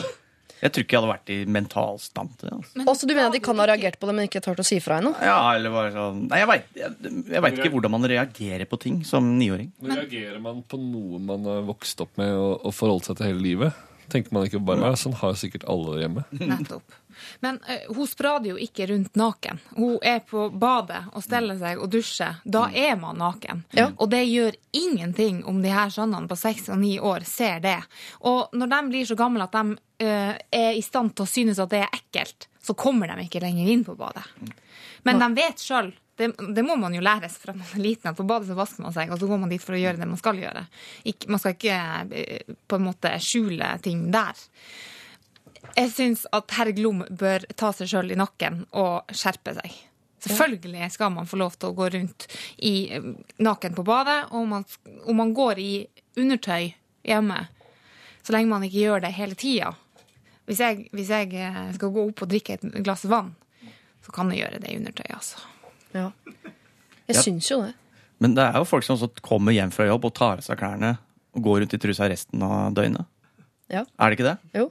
Jeg tror det finnes Er det greit? Eh, Det, jeg Eller er det jo, da litt rart? Jeg merket at jeg hadde havnet på riktig sted både med tanke på mann og geografisk Mm. eh, eh, for noen år siden. Når jeg hadde behov for å alltid bare gå i trusa med en gang jeg kom dit. Da merker jeg Mm. Mer avslappa enn dette blir det ikke. Ikke dette er det stedet i verden jeg er så avslappa at jeg kan gå rundt i trusa. Her blir jeg. Så hvis jeg hadde begynt å få sånne restriksjoner hjemme på hva jeg skulle ha på meg når og når jeg skulle kle på meg, sånn, da hadde jeg jo pakka sakte men flytta tilbake til trendy leilighet på Grønland. Da. Begynt med standup og det gamle livet, liksom. Herregud. Jeg har jo sånn, Vi går jo også ofte i trusa hjemme hos, i mitt uh, hushold. Eh, og det har jeg tenkt at, Men det er jo ingen som kikker inn, selv om vi bor i et boligkompleks eh, der det er jo innsyn. Men man ser ikke over. Man gjør ikke det, man ser ikke inn i andre leiligheter. Nei. Inntil en dag vi så gamle Turil, Wenche eller Lisbeth, som bor da rett over, som sto med kikkert. Oi! Faen meg så rett inn i leiligheten! Oi. Da måtte vi, da tar vi affære. Er ikke det et kompliment? Jo, det er kompliment, men uh, Så nå har vi begynt å gå uten truse og sette opp show hver dag mellom åtte og halv ni. Puppetry of the anal hole. Eh, Men det er jo alltid en eller annen, i hvert fall i sånn uh, blokk og vis-à-vis, det er alltid en eller annen raring i, i blokka over gata som går mye naken. Jo, men Er ikke det noe av poenget med å få seg et eget sted å bo? At man skal kunne gjøre som man vil i det huset? Det er, altså, ja, jeg er for hensyn osv., men at ikke jeg skal få lov til å gå i truse og be om mitt eget hus, det hensynet kan man ikke ta til Så er det bare å vente på at en av barna blir såpass gamle at det blir sånn Æsj! Æsj! Er ikke det puberteten når tenåring blir flau over foreldrene? Jo. Det er tegnet. Og da er det som Karin sier, da slutter du å gå inn på badet når mor sitter på do eller er i dusjen. Det er alarmen. Ja. Ja, så da kan hun gjøre det i ni, da kan hun gjøre det i tre-fire år til, tipper jeg. Ja. Og så må hun eh, ta seg en pause helt til de har flyttet ut. Så kan hun begynne å gå naken igjen. Men hvis sønner ni og seks begynner å kommentere at hun går i truse og bh ellers i huset, skal hun ta hensyn til det, syns vi? Ja. Fordi Fordi stakkars små barn må, så De skal ikke se for mye heller, når de begynner å skjønne ting, kanskje. Jo, men nå, nå begynner Nå våkner rødstrømpen i meg. Altså, eh, I dagens samfunn, når, folk, eh, når gutter spesielt bar, har et, et syn på hvordan en kvinnekropp skal være, så, så hjelper det litt å se, eh, eller ha i bakhodet, hvordan en mor ser ut. Hvordan man skal se ut etter at man har født barn. Det er ikke normalt å se ut som noen bloggere gjør når man har født barn. Det, det skal ikke være sånn. Det er godt for gutter å kunne vite hvordan et, eh, et, en kvinnekropp ser ut. Ja, Helt enig. Helt, helt enig det. Og det, det er jo det positive med å gå rundt naken hele tida. Jeg også husker jeg hadde jo øh, venner eller bekjente som hadde f.eks. nudistforeldre som sto ute i hagen og luka naken med stråhatt. Ja, Der det seg for meg. Ja, men, og det tenker jeg sånn De er også veldig frie Mm. sånn. Men det går jo Man ser jo litt rart på barna. Altså sånn Mine venner, man ser Å ja, det er de med de rare foreldrene. Ja. Og hva som går da Om det utvikler seg til mobbing eller hva det er, det veit ikke jeg noe om. Men man har jo et skråblikk på den familien. Hva skjer inni det huset? Selvfølgelig skal man ta hensyn til barna. Jeg tenker Man skal være klar over at man påvirker barna, men at barna ser eh, mor i truse og bh, det tror jeg bare har positiv innvirkning på så er barna. det er forskjell på, på å altså, jeg, regner med at denne fru Glum ikke går rundt i truse og BH he, hele tida. Det er forskjell på å stå opp eh, altså på en måte hjelpe ungene om morgenen i ti minutter i truse og BH, Mm. enn om man går i truse og BH helt til man, man eh, står i døra og vinker ha det. Det, det Ja. tror jeg ikke Og akkurat det nudistgreiene, der merker jeg at der stopper det seg for hva som er strengt talt naturlig. Det er mer tysk enn naturlig i mine øyne. Å skulle være naken hele forbanna tida. Det Ja, det mener jeg. forbinder Ja, jeg helt veldig med. Tyskland. For altså, det er- greiene ja, det er Du der holde på med det der. Tysk eller naturlig? Ja. Altså sånn er forskjell på naturlig og naturlig. Det må vi, det når ting blir naturlig, da har det gått for langt. Da er det ikke naturlig lenger. Nei. Det er lærdommen. Skal vi avslutte med det? Mm. Eh, altså Når ting er naturlig og ikke naturlig, da har vi gått for langt. Men her syns jeg, fru Glum, du er absolutt på naturlig-siden av dette. Du er ikke bikket over til naturlig. Og da eh, får du eh, alle stemmene fra oss her i dag, og du får hilse herr Glum og si tåte! Fra Lørdagsrådet, og så lar du sønnene dine på 9 og 6 styre når eh, kleinheten kicker inn. Eh, og da får vi ta det opp til ny vurdering. K. P3. Proviant Audio har vi hørt med sin Once I Thought her i Lørdagsrådet. Bare drikk kaffen din, eh, Magnus. Det går fint, det. Det høres alltid litt ut som man tisser når man skjenker kaffe eller heller melken, men jeg skal si fra til lytteren at det ikke er det som skjer. Kan jeg helle det helt opp til mikrofonen? Det dere hører nå, er ikke en Magnus som tisser. Han heller eh, på feminint vis kaffe i sin melk. Det var helt lydløst. Ja, det. ja, han har litt sånn dropping på slutten her. Ok. Ok. Eh, vi skal eh, inn i eh, problematikk som ikke har vært borti her i Lørdagsrådet før, men jeg tipper det er problematikk som i hvert fall én av dagens rådgivere har vært borti. Hvem dukker nok opp i løpet av diskusjonen? Men det er enten Karina Olseth fra Sporten i NRK, eller så er det Magnus Devold, altså Instagram-kongen. Det kan det være blitt sånn Instagram-film, Det er gøy. Og da Martin Beyer-Olsen, som driver med alt innen showbiz. Hei, Lørdagsrådet. For en tid tilbake var jeg med i en reklamefilm. Vi spilte inn de samme scenene flere ganger, og jeg var kjempefornøyd med utfallet. Helt til jeg så den ferdige filmen på TV. Regissøren har valgt ut én scene der tonefallet mitt gjør at jeg høres helt rar ut. Hva skal jeg gjøre nå? Jeg arbeider som artist og er redd denne utrolig flaue reklamefilmen skal slå negativt ut på min fremtidige karriere. Håper dere kan hjelpe. Med vennlig hilsen Struggling Artist. Oi. Hvem vil begynne? Jeg har jo spilt i noen reklamefilmer. Ja. ja. Mens Da er det en av dere, da. En av oss. og det er jo Fordelen med reklamefilm er at det er veldig bra betalt. Ja. Ulempen er jo at det er så flaut. Det er uansett. Og, og det skal være rart og dårlig og, og vondt å se seg selv i reklame. Og det tror jeg hun hadde tenkt uansett hvilket klipp de hadde valgt. Oh, ja. Men hun er, eh, hun er, arti er, er, en, er en sånn type som egentlig er skuespiller, men hun kaller seg artist. Fordi det Eh, For det første er det en mann. en mann. Uh, Det står artist. Jeg vet Ja. ikke, det, For meg da tenker jeg sirkus med en gang. Men det er, artist. ja. Ja, men Han skrev artist inni mailen. Ja. Jeg er bare arbeider som artist. Ja, Det må du slutte med. Ok, ni- NIS-utdanna med andre ord. Ja. Spiller reklamefilm, slutt å kalle deg for artist. Ja. Eh, Kanskje det er det som står på enkeltmannsforetaksskjema som er sendt inn til Brønnøysundregisteret. Og da det gjør det hos meg òg. Mitt firma het jo lenge Martin Beyer-Olsen Artist. Oh, ja. Nå heter det Beyer-Olsens Undertrykkeri. Men hvilke produkter er dere har reklamert for, da? Eh, Europris. Mm. Eh, Netcom. Mhm. Nett. Matprat. Netcom, en telefon... Nettkom, ja. Så du sa Netcop? Å ja, nei, ikke ennå. Nei. Eh, Matprat. matprat. ehm, DNB. Og alt er flaut? Eh, stort sett alt er flaut. Kan være gode reklamefilmer, men flaut likevel. Ja. I hvert fall flaut nå. Og Norvegia, den har jo begynt å gå igjen. Men hvor mye får du for et typisk reklameoppdrag? Veldig forskjellig mellom Det kommer veldig an på hvor mye man er med i filmen, og hvor lenge den skal gå, og hvor stort firma det er, men man kan jo få ja, fra liksom 10 000 og oppover. Oi. Ja. Ja. Men er det, um, når du ser tilbake på det, og så, og så ser du liksom, nå begynner den reklamen å gå igjen, den Norvega-reklamen. Er, er, tenker du da at de 10 000 som du antagelig har brukt, var verdt det, eller, eller tenker du at det bare vet, Det var mye mens jeg studerte. og Da kom det veldig godt med med f.eks. 10 000 kroner for én dags jobb, som var nesten dobbelt så mye som jeg fikk av Lånekassen i måneden. Ja, ikke sant. Eh, så sånn sett var det, jo, var det jo veldig greit. Men eh, det er jo litt sånn det er litt flaut nå. Men sånne ting blir jo glemt ekstremt fort. Ja, for har det liksom gitt deg noe eh, Altså, jeg tror det er andre jobber som artist du har gått glipp av fordi du har sett eh, rar ut i en reklamefilm på TV? Som artist. Eh, jeg håper ikke det. Jeg tror ikke det. Nei? Nei. Hva tror du, Martin? Jeg tror, Hvis man er med i store store kampanjer, så har vi en felles venn som heter Odd Magnus, f.eks. Han gjorde en kjempestor kampanje. Jenny Skavlan eh, slo jo Jenny Skavlan gjennom slo jo igjennom. Hun har jo dyrka hele sin karriere på den ene reklamen. Og hun ser jo, vi kan jo ikke, vi kan jo ikke si at den, den eh, reklamen hun var med i, er liksom kjempekul. Nei. Nei. Så det er, og det, så det er både bra og, og ikke så bra. Noen, noen tryner forbinder jeg som reklametryner, fordi de gjør så veldig mye reklame. Det Ja. er på dem når de først gjør, kommer i en film. eller sånne ting. Der syns jeg er bare skadelig. Ok. Så det er ikke nødvendigvis det at han har nå spilt i én reklamefilm som han ikke er fornøyd med, det har ikke så mye å si. men Hvis han spiller i en ti-tolv til som Er det Sven Nordin som har sendt inn? Nei, ikke. Pampasen! Nå er vi på Pampasen i Argentina! Jo, det er rart at du spør om, for det har jeg snakket mye om i det siste, at Sven Nordin er en sånn type som uh, har masse integritet, til tross for at han har gjort utrolig mye ræva greier. Veldig rart. Det er godt Han er jo eh, master. Master of showbiz. Ja. Ja, kan, det kan, En barbecue. dette er en fjern fetter, da, la oss si det sånn. Men så han trenger ikke, han trenger ikke å være bekymret da, for fremtiden sin nødvendigvis. Folk kommer til å glemme det en måned etter den reklamefilmen er ferdig å gå. Jeg syns han skal ta de feite pengene han har fått. Ja.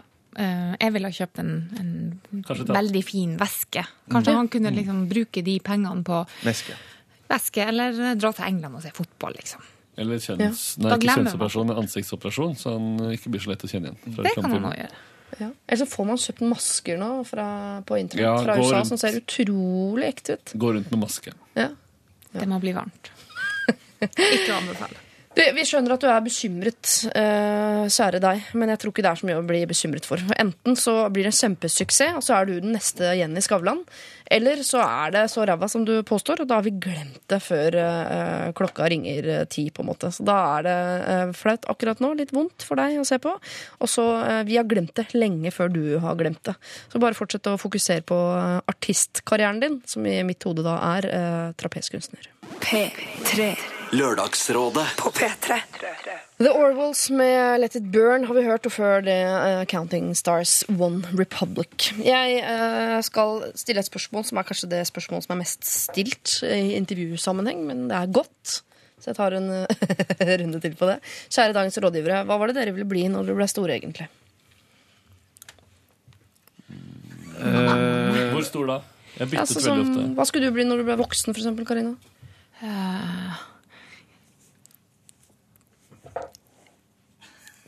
Jeg har ikke peiling. Er det sant? ja. Jeg har to ting jeg skulle bli. Ja. Enten var det um, snowboardproff, Ja, eller så var det um, eh, businessmann. Holdt på å bli businessmann. er Generell businessmann? Ja, jobbe med business. Ja, ok. Smart. Men Ble ikke, jo, jeg utdanna var som du god i snowboard? Ja, jeg var, jeg var best i skateboard når jeg var uh, liten. Når jeg var ti år, Ja. så var jeg god. Da var du Og- god. Og, men så faller det Hang jeg ikke med. Hva med deg, Magnus? Jeg skulle bli skihopper. Yes. Aldri hoppet på ski, da. Men Nei. eh, jeg syns det så så konge ut. Jeg vet ikke om høyde er så bra. Er ikke de ofte høye? Høye og tynne folk? Kanskje de er det. Veldig tynn. Ikke han Den er lille. ikke så høy. Ikke Altså, han det, går, lille. det går to skihoppere i meg. Oi. De må vel være både lave og tynne, sånn at de kan bare bli Ja. tatt av vinden og bare blåse ned bakken? De er veldig, veldig veldig liten. Jeg hadde, en, jeg hadde en ambisjon om å bli verdens beste langrennsløper, men da var jeg jo 15 år og begynte på videregående. Så var, men jeg hadde ikke noen sånn barndomsdrøm om å bli noe. Men var du god i langrenn, da? Ja. Hvorfor ble du ikke det? Eh, fordi jeg ikke var god nok. Men Jævlig god, men ikke god nok. Ja, Ja, og så ble jeg litt skada og sånt. ja Var det tarmgreiene? Nei. For det virker som det kan være et problem hos Marit Bjørgen også. Bare det, for hun har jo, blir ofte slått ut av noen magegreier når hun Ikke skal sant. konkurrere. Er jo konkurrere. alle de er jo de svakeste menneskene vi har i landet, er jo langrennsløpere. Er det det? Ja, de tåler ikke vindkast. Jeg syns Marit Bjørgen ser ut som en okse. Ja, ja, altså, Sånn sett, eh, på hvis jeg må ja. spise noen en gang, så tar jeg Marit Bjørgen lett, liksom. Filtrerer og Eller hva det heter. Ikke filtrerer. Ikke filtrer Marit Bjørgen. Fileterer. Fileterer. Fileterer. Ja. Ja, så, ok, så vi har en eh, potensiell eh, proff snowboarder, en eh, potensiell proff eh, hopper og en potensiell proff eh, langrennsløper. Det er veldig vinteridrettsrett uh, gjeng vi har her. ikke Og det er fint, for vi skal hjelpe to jenter som eh, for øyeblikket lever livet sitt på brett. Altså på eh, rett og slett et eh, snowboard, men vet ikke om de, hvor lenge de kan bli det. Det blir opp til oss å bestemme, eh, etter at vi har hørt Røyksopp sammen med Robin, Do It Again. Dette er NRK P3. Eh, Røyksopp sammen med Robin, altså med sin eh, Do It eh, Again. Og vi skal ut i skisporet, eller opp på et snøbrett. Og det blir første gang for min del. Kjære Råde, vi er to jenter på 30 år som har vært i Whistler, Canada, nå de siste to vintersesongene for å kjøre brett, skråstrek leve livet. Og vi elsker det. Vi lever fra hånd til munn med skittige jobber og lite penger, men vi har aldri hatt det bedre. Begge er godt utdannet, og vi har vært innom jobblivet der hjemme. Problemet er bare at vi eh, tenker å bli her i hvert fall et år til, men vi føler at vi begynner å bli gamle. Bør vi dra hjem for å settle down, få fast jobb, kjøpe leilighet og finne en mann før egga blir for gamle? Eh, vi vil jo ikke bli hun kattedama heller. Eller skal vi bare gi litt F, leve livet, ha det helt awesome her? Hjemme begynner det å komme bryllupsinvites og poppe ut kids, mens vi sover i bankbed, lever i nuet og går rundt med luesveis.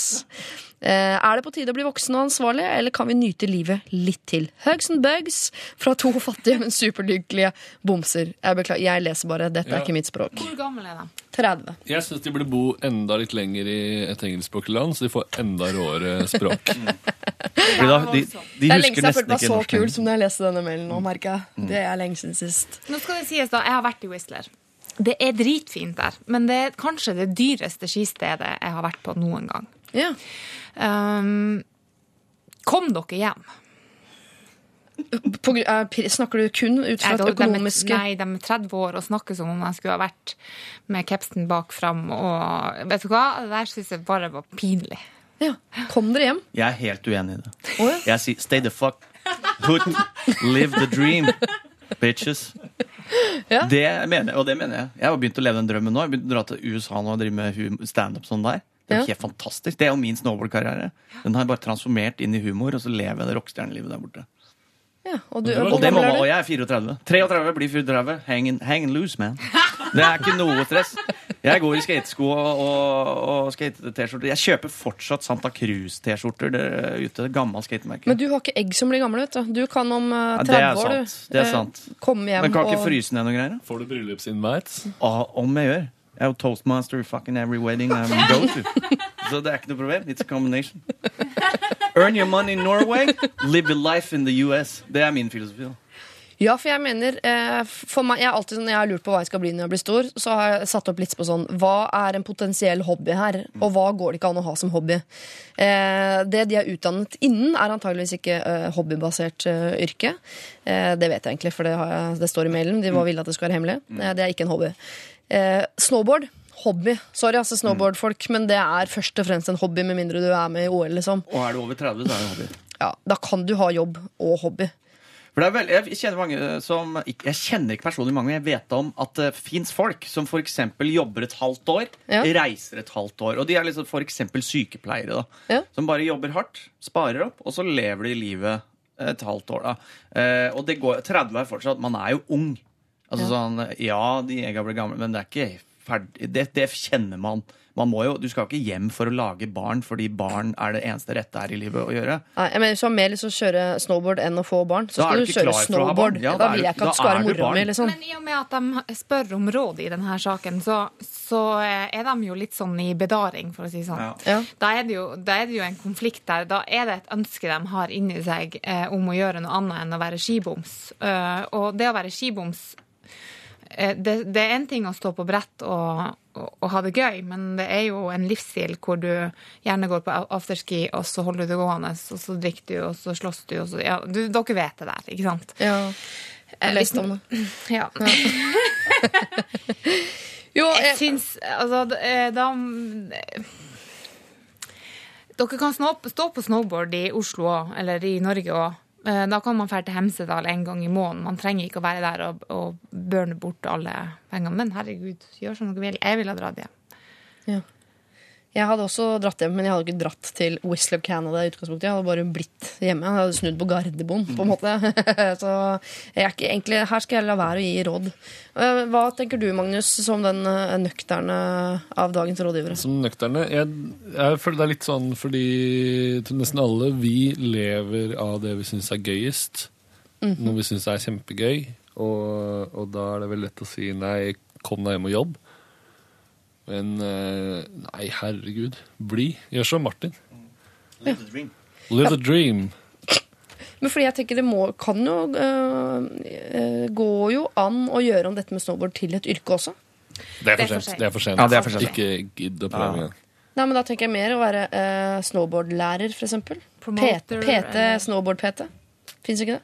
Jo, utdannelse på Bali, så er det litt upraktisk, men det er eh, Men altså sånn 30, gjør det si, si, eh, Prøv litt til, da. Eller ha det gøy si, eh, i et gitt tidspunkt, om det er seks måneder eller ett år eller tre måneder. Og så, For det er jo, som eh, Karine sier også, det kan hende det er et skrik om noen må be oss komme hjem. Ja. Eh, siden de spør. Så høres det jo litt sånn ut at noen må stoppe oss nå. Men jeg hører to jenter som har det helt fantastisk der de er. Mm. Og så er det, har de en liten fornuftig side som sier at vi kanskje burde komme oss hjem. Mm. Og det er fint å ha en liten fornuftig side. Jeg har bare den fornuftige siden, så jeg hadde blitt hjemme i utgangspunktet. Og det er også ganske kjedelig, skal jeg fortelle dere på sikt. For mitt liv fra eh, 22 til da 92, som jeg har tenkt å bli, Mm. er helt likt. Og det er ikke, skulle gjerne liksom eh, Det har sikkert vært kult å være innom Canada hvis jeg hadde hatt lyst til det. Ja, men i mellomtida nå der. har de vært der. Ja, det er ett tydelig år at det liksom. plager dem. Ja, ett år til. Det er ikke, egga har ikke, de ramler ikke ned og dør innen du er Det gjør de 31, liksom. Mitt, mitt råd gjør det i hvert fall, siden dere har det så gøy. Ja. Så gjør det, sett av en periode til hvor dere gjør det, og så kanskje stikke hjem og prøve det litt. da.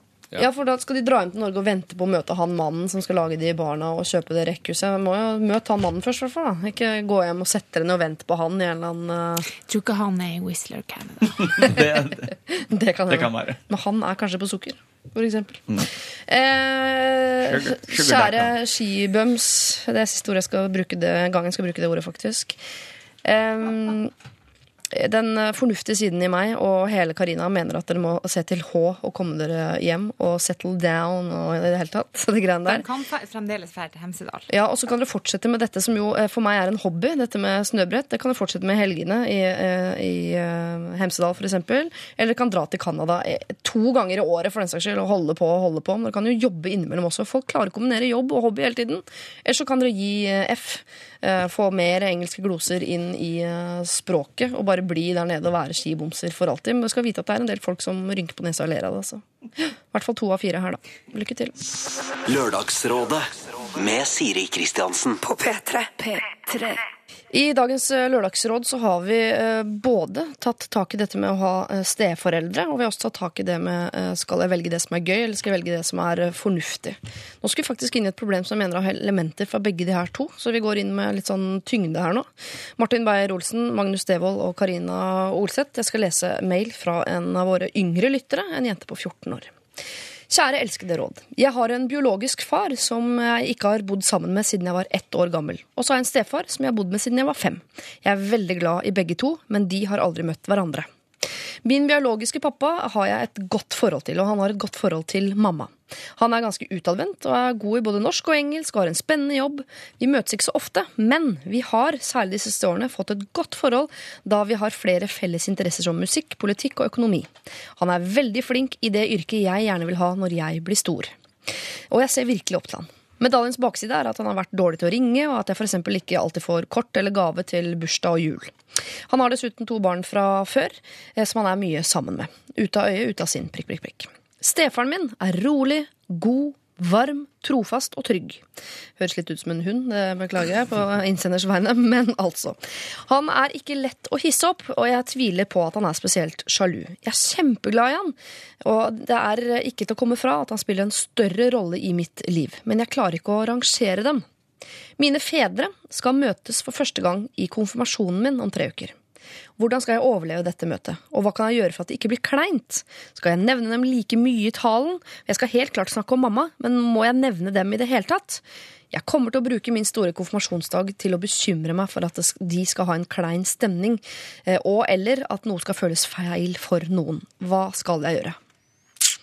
Altså, 13 år eh, bærer dette første møtet på sine skuldre nå før eh, konfirmasjonen. Hva, hvordan, hvordan forbereder de seg, eller hva skal de gjøre? Det virker som to veldig bra folk, da. Ja. At, eh, sånn som hun beskriver dem, at jeg ser for meg at de kommer ikke til å gjøre det noe mer kleint, eller at det blir noe veldig pinlig. Nei. At jeg, jeg tipper det der kommer til å gå veldig bra. Men skjønner dere at hun bekymrer seg? Altså, Det er jo to stykker som aldri har møtt hverandre, og som helt klart egentlig har en rolle i hverandres liv på en eller annen måte. Jeg synes jo det burde jo komme Altså nå har jo hun, Du ser jo på hennes evner, skriveevner, de er veldig gode. Dette er Ja. jo veldig smart uh, Var det 13-åring? 14. 14-åring Mm. som skal konfirmeres. Jeg tenker at dette er Mye av starten på den talen hennes ligger jo i dette brevet. Og syns hun skal ha en tale hvor hun inkluderer hver av dem. Nå biologisk pappa, nå stepappa. Og bare snakke om det positive som de bidrar inn i hennes liv. Ja. Og gjør henne til den flotte, sterke person hun eh, er og kommer til å bli. Jeg syns hun faktisk skal ta tak i det at hun har vært veldig nervøs Mm. i den talen. Uh, si at uh, kjære pappa, kjære stepappa, jeg har vært kjempenervøs for at dere skal møtes. Uh, det kan hende de ikke skjønner det.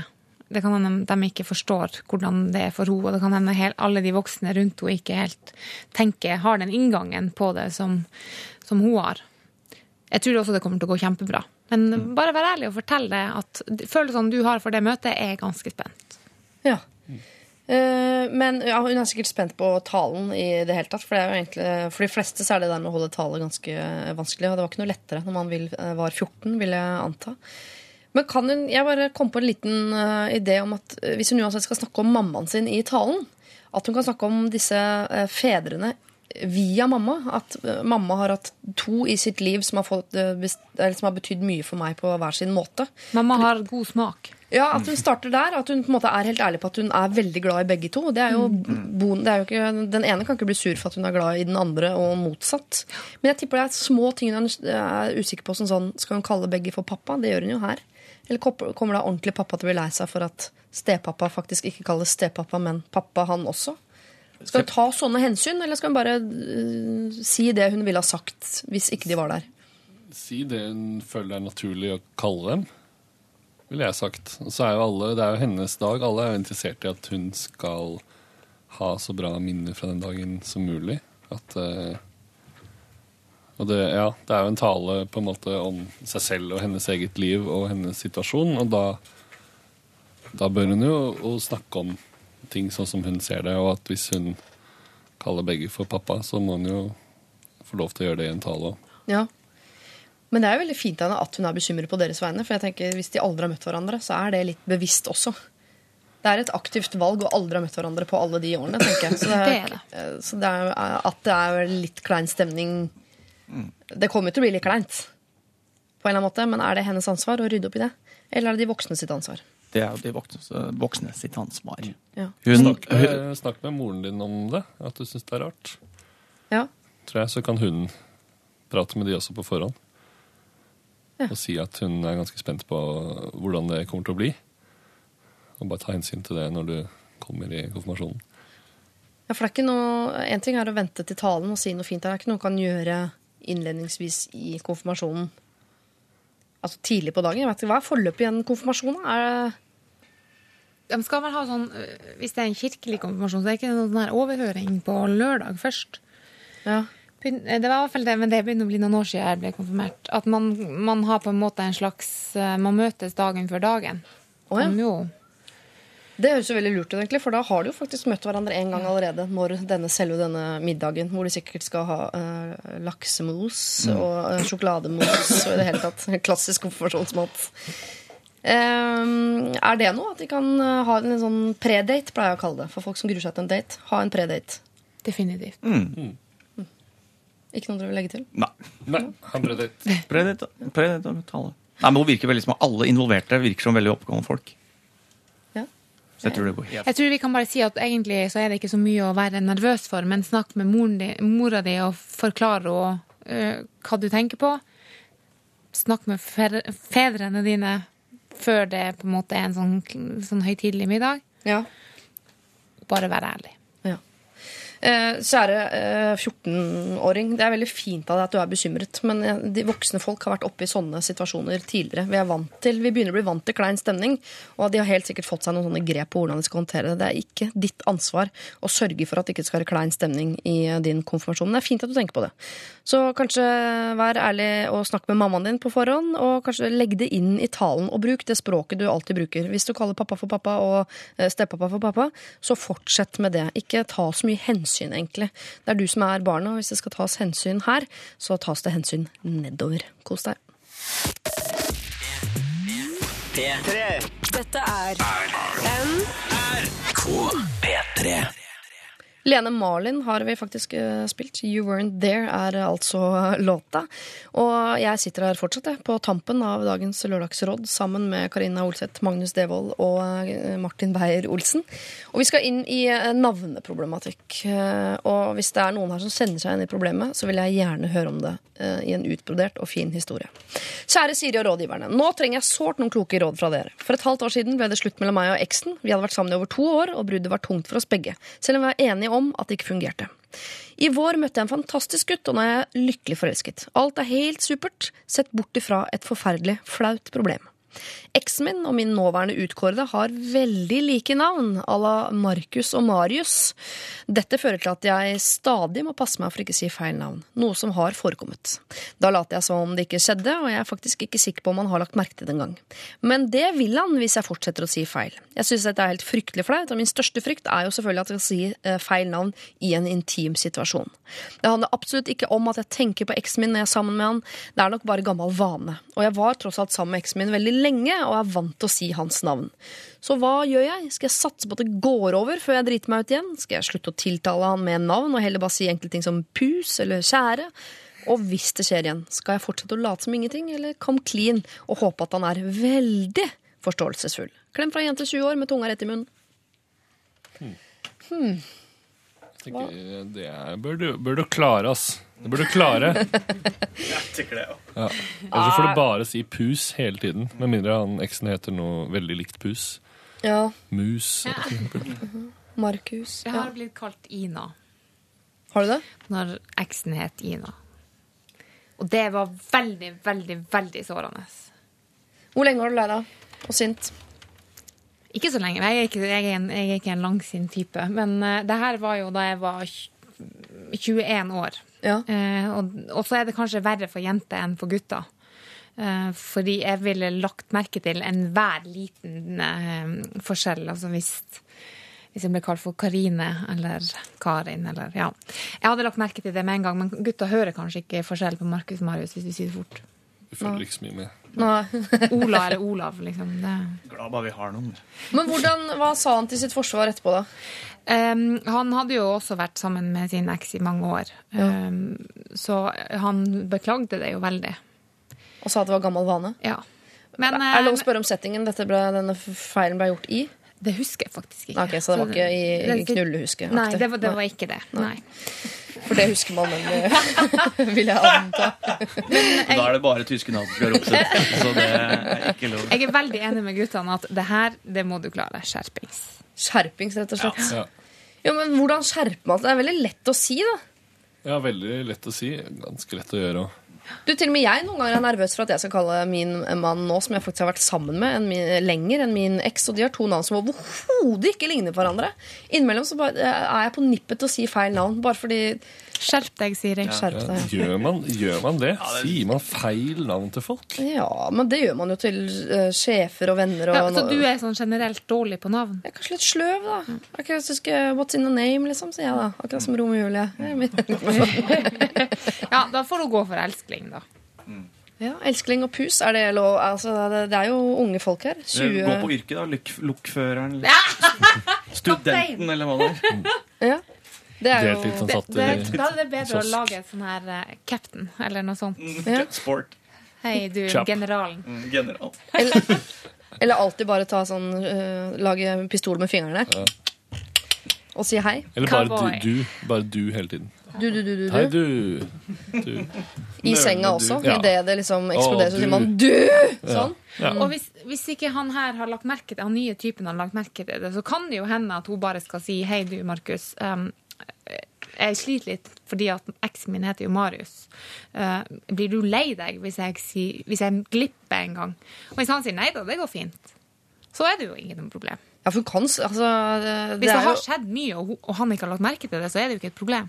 Og så tipper jeg at dette problemet er større fordi hun går og tenker på at det er et problem. Hvis hun bare sier fra at du, du heter jo nesten sånn som eksen min. Innimellom sier jeg feil. Ja. Altså, Da er, problemet, da er det ikke så stort problem inni magen hennes. Da tipper jeg at hun kommer ikke til å si feil så ofte lenger. Derfor hun går og tenker ikke si Marius, ikke si Marius. Marius! Nei! Kan jeg, komme med Dette bare husker jeg fra uh, ungdomsskolen. Ja. Da kom det uh, i kristendomstimen så kom det en fra Det mosaiske trossamfunn, et eller annet sånt. En uh, jødemøkkalott. Han skulle skrive navnet sitt på skjermen uh, på tavla og sa dette navnet, navnet mitt kommer til å huske resten av livet. Han het Terje. Og han skrev Terje. eh, Da skrev han fordi jeg heter Terje, men jeg skriver på Jen. Så dro han den Jen ned, og så tegna han et ansikt på den Jen. Og dette er grunnen til at dere kommer til å huske navnet mitt resten av livet. Og det tror jeg kommer til å stemme.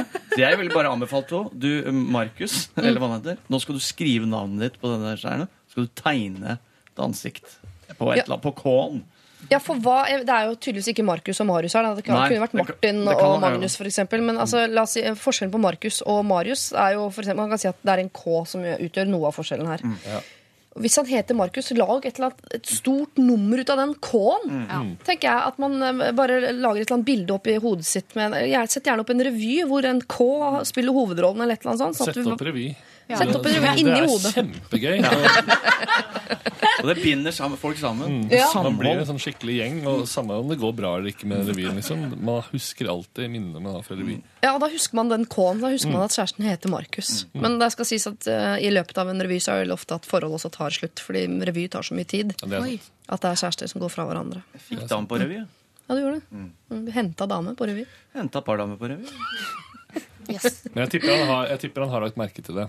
Ja, og bare ikke sagt noe, fordi det er noe av det flaueste når man må rette på, rette på folk som har kalt deg feil ting. Jo, for det er det. Jeg ble kalt eh, feil navn to ganger her eh, forrige uke. Ikke av kjæresten min, men jeg var med i et TV-program som kommer til høsten på TV3. Gratulerer. Hvor det er om å gjøre å være flinkest til å lage mat, da. Eh, og da var, ble jeg først kalt for Kristin av en eh, medkonkurrent, eller motkonkurrent. Hvem, hvem, hersketeknikk. Ja, fordi jeg heter Kristiansen, sikkert, så sa de Kristin. Hvem og sa etterpå det? ble Hvem jeg sa kalt det? Hvem sa det? Hvem sa Jeg Jeg vet ikke om jeg har lov til å si hvem Jo. jeg var sammen med på Jo. Masterchef. jo.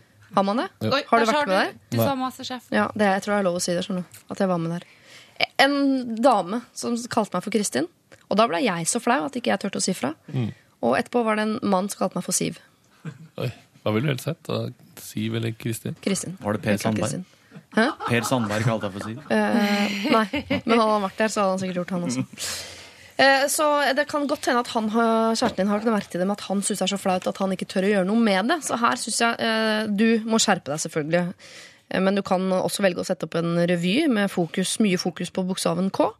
Og så syns jeg du kan si til kjæresten din Sorry, det hender at jeg kaller deg Marius selv om du jo heter Markus. Er det et problem? Og hvis ikke det er et problem, ja, vet du hva? så er det ikke et problem. Det er ikke vits å lage et problem inni hodet sitt som ikke fins der ute i den virkelige verden.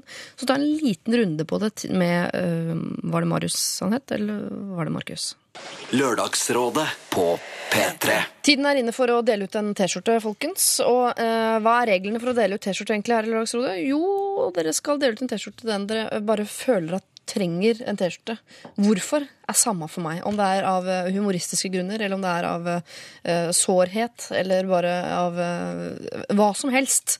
Det må være et eller annet inni kroppen deres, hvor som helst i kroppen, som sier at den personen der trenger en T-skjorte. Jeg skal gå gjennom kandidatene. Vi hadde en mann tidlig i dag som lurte på om han kunne slå opp med sin samboer gjennom tre år per brev, fordi hun reagerte så voldsomt på vanskelige konfrontasjoner at han var ikke sikker på om han ville være til stede. Så har vi to jenter som uh, syns at sin stemor etter hvert hadde blitt mer og mer som et stemonster, fordi hun eh, virket sjalu og slapp ikke far ut av buret for å eh, være sammen med barna sine. Vi har også vært innom helsevesenet. Altså, vi har en Anne som har noen leieboere som jobber innenfor helsevesenet, som hadde da en pasient på besøk i rullestol. Hun satt helt alene ute på gårdsplassen, mens da leieboer satt på verandaen, røyka og drakk kaffe. Og innsenderen var usikker på er det eh, riktig å gjøre. Er det en god jobb å gjøre? Vi har vært innom familien Glum eh, nok en gang her i Lørdagsrådet. eh, Hvor nå endelig fru Glum har fått eh, eh, altså tommelen opp for at hun kan få lov til å være naken på do, naken i dusjen og gå i truse og bh i sitt eget hjem. Eh, Vi prøvde å hjelpe en eh, stakkars eh, artist som var flau fordi han er med i en reklamefilm som går på TV om dagen, og han syns han gjør en dårlig figur og er redd for at det skal på en måte være vanskelig for han da videre i karrieren. Så har vi disse to uh, chicksa da, borte i Canada som driver og står på snowboard uh, istedenfor å være hjemme og være grown-ups og det greiene der. Eh, og så har vi en forestående konfirmasjon der eh, biologisk pappa og stepappa skal møtes for første gang. Og da jente 14 er usikker på i hvor stor grad hun skal backe opp for at det ikke skal bli klein stemning underveis. Eh, og til slutt også eh, navnetullproblematikk. En jente som er redd for at hun kommer til å kalle kjæresten sin for det eksen het, fordi de har så himla like navn. Og hun må sette opp en revy, blant annet. Men fortjener hun en T-skjorte? Ikke vet jeg. Eh, debatten er åpnet. Her må dere bli enige, altså. Det er bare å si. I hvert fall hvem som ikke trenger den T-skjorta. Det er fru Glum. Ja, der, Absolutt. eh, ja, men der har jeg et motargument. Okay. Så kan jeg, skal jeg legge Jeg tenkte det var jeg skulle toppe hele og bare nøste inn den seieren der med en gang. Ja. Jeg tenkte Hvis man gir den til fru Glum, så kan det være Ikke si det tysk. Nei. For, da, for det er ikke en T-skjorte til henne. Men hvis fru Glum Ja. gir den T-skjorta til sine barn og sier til henne når dere føler for det at jeg skal ha på den T-skjorta, da kommer dere inn, så gir dere meg denne T-skjorta. og så skal jeg begynne å bruke den. Det er, godt, det er et godt argument. Mhm. Men altså, for, det, det, det er en soleklar kandidat her, og det er ikke fordi at hun egentlig trenger det, men fordi at hun virker å være en veldig, veldig bra jente. Jente 14 Ja. bør få den. Hun er jo den Mm. som uten tvil er mest sånn i målgruppa til P3, hvis man skal tenke profesjonelt på det. Og ikke for å skyte meg, ja, Ja, ja. Og ikke for å skyte meg profesjonelt i, i foten, men hvis jeg setter meg inn i rollen som ni år gammel gutt, så synes jeg er mer flaut at mutter'n går i P3-T-skjorte Mm. enn at hun uh, går toppløs. Ikke være så himla kul av Men mutter'n. nå skal jeg bare si det at uh, i NRK så er definisjonen av ung under 50. Å ja. Ja. Hvem Det har har vi fått beskjed om foran fotball-VM. Vi skal nå den yngre målgruppa, dem under 50. Hvem ga denne beskjeden? Sjefen. Altså K-sjefen? Jeg tror den kommer fra K-sjefen, faktisk. Direkte fra Ja, for det ligger liksom i mandatet, og det er vel egentlig enten kringkaster eller Men vi sier at det var K-sjefen. Mr. K. Ja. Mm. Sånn er det ikke TV Norge. Nei. Så deilig. Der, Jeg tror hvem, unge hvem er under tolv. Ja. Men dere må bli enige her. Altså, eh, Jente 14 er eh, nevnt. Fru Glum er eh, nevnt. Eh, er dere har ikke nevnt sånn skibomser, som- eksempel, som jo helt sikkert ville elsket en P3-tørste. P3 De har så mye T-skjorter. Ja, de har sikkert i alle farger. Ja, P3, KR Wine, Ja. VH1, MTV. yes. Men det kan også, jeg tenkte også litt på å ta en eller annen en av de mest uh, konfliktsky uh, uh, som har sendt inn, fordi da er det en fin sånn Oi, har du vært på Lørdagsrådet? Hva, hva tok du opp der? Ja. En sånn fin måte å få i gang og kanskje få sagt det man alltid har villet si. For Ja. eksempel eh, de med hun stemoren. Ja. Eller han som ikke turte å slå opp med dama si. ja, for da kan han si sånn Jeg spurte det norske folk om jeg kunne slå opp med deg per brev, og ja, sa de. Mm. Så da bare følg med i postkassa! Her er en T-skjorte. Som plaster på såret. Og da får hun også litt sånn drittsekkstempel. Kanskje hun trenger å liksom hate han litt. ja. Ja. Og da er det lettere, sikkert lettere å hate han. Du gikk faktisk til Lørdagsrådet med det her. Men Du liker dem bedre enn meg, du. Mm. Sånn type. Ok, du vil ikke det. Nei, men da kan du bare fære. Og så bare ha noen som står klar med det brannseilet under vinduet. Ja. Her er mye gode forslag. Altså. Jeg har ikke noe jeg skulle ha sagt, men jeg kan jo lede, sånn som jeg jo eh, kanskje har en tendens til Vi vil lede. påstå. Men uh... Vi ledes vel inn mot eh, 14 år gammel pike. Oh, ja vel, ja. Skal holde tale. Se det som en komf-gave. Ja. Ja. En komfgave fra de kuleste kidsa i Årets P3. beste. Da blir det T-skjorte til eh, jente 14. Jeg håper vi rekker å få den fram med postens gang innen altså konfirmasjonen skal stå. Det tror jeg skal gå fint. Eh, tusen takk til dagens eh, rådgivere. Eh, Magnus og Martin. Det har vært eh, tre fortreffelige timer, vil jeg påstå. Hva skal dere videre? Martin? Jeg skal kjøpe stjernekikkert. Ja. Magnus? kjøpe stjernekikkert. Ja. Karina? Jeg skal ut i sola. Og så skal jeg jobbe. Så kjøpe stjernekikkert. Nei. Ikke kjøpe Skal ikke bruke den til å se på naboene. Og det skal jeg love deg. Mm. skal, ja, Martin skal Det det. på Kikke på stjerner er ikke det man tror. Naboen din som står med liten kikkert for å se på deg i trusa. Plutselig en dag møter du ser med stjernekikkert tilbake. Min kikkert er større enn din. Det er den kuleste eh, måten å ta det på. Eh, ha en fortreffelig dag videre, da, om det er i sola eller om det er blant eh, stjernene. Eh, vi går eh, videre med mer musikk her i P3. P3. Dette er NRK P3. P3.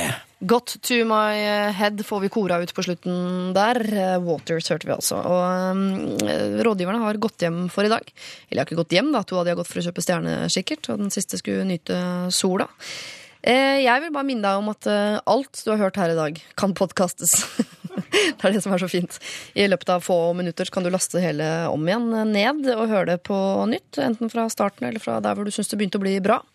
Eh, og så kan du jo også kose deg med bilde av oss på Facebook hvis det skulle være av eh, interesse. Og hvis du har noen innvendinger til noe av det du har hørt, altså hvis du har et råd du mener mangler, eh, eller du vil si fra om et råd du mener er rett og slett for ræva, så er du hjertelig velkommen til å dele det med oss. Jeg ser at dere driver med det på mail, den slags. Det beste er om dere legger slett ut på Facebook, så kan dere diskutere dere litt imellom. Og jeg er ikke så åpen for kritikk, egentlig. Jeg tar det meste nokså personlig, men det betyr jo ikke at ikke jeg fortjener det. Så skal ikke du bry deg om. Og så får jeg skrubbe meg litt ekstra hardt i dusjen den kvelden. Eh, kos deg videre på eh, P3. Det er straks eh, radioresepsjonisme på andre siden av eh, nyhetene. Og kos deg! For om en uke så får vi Solveig Kloppen på besøk sammen med Kåre Magnus Berg. Og vi skal en gang for alle få ryddet opp i dette problemet de har seg imellom. Nemlig at Kåre Magnus Berg har gitt et maleri til Solveig Kloppen i bryllupsgave som men fortsatt ikke har fått. Og det er vel i hvert fall åtte år siden hun giftet seg. I tillegg på toppen av det hele får vi besøk av Christer Torjussen. Sammen skal de rådgive. Og har du et problem, så send det inn. lralfakrøll.nrk.no. Takk for i dag. P3 Dette er Lørdagsrådet på P3. P3. Hør flere podkaster på nrk.no podkast.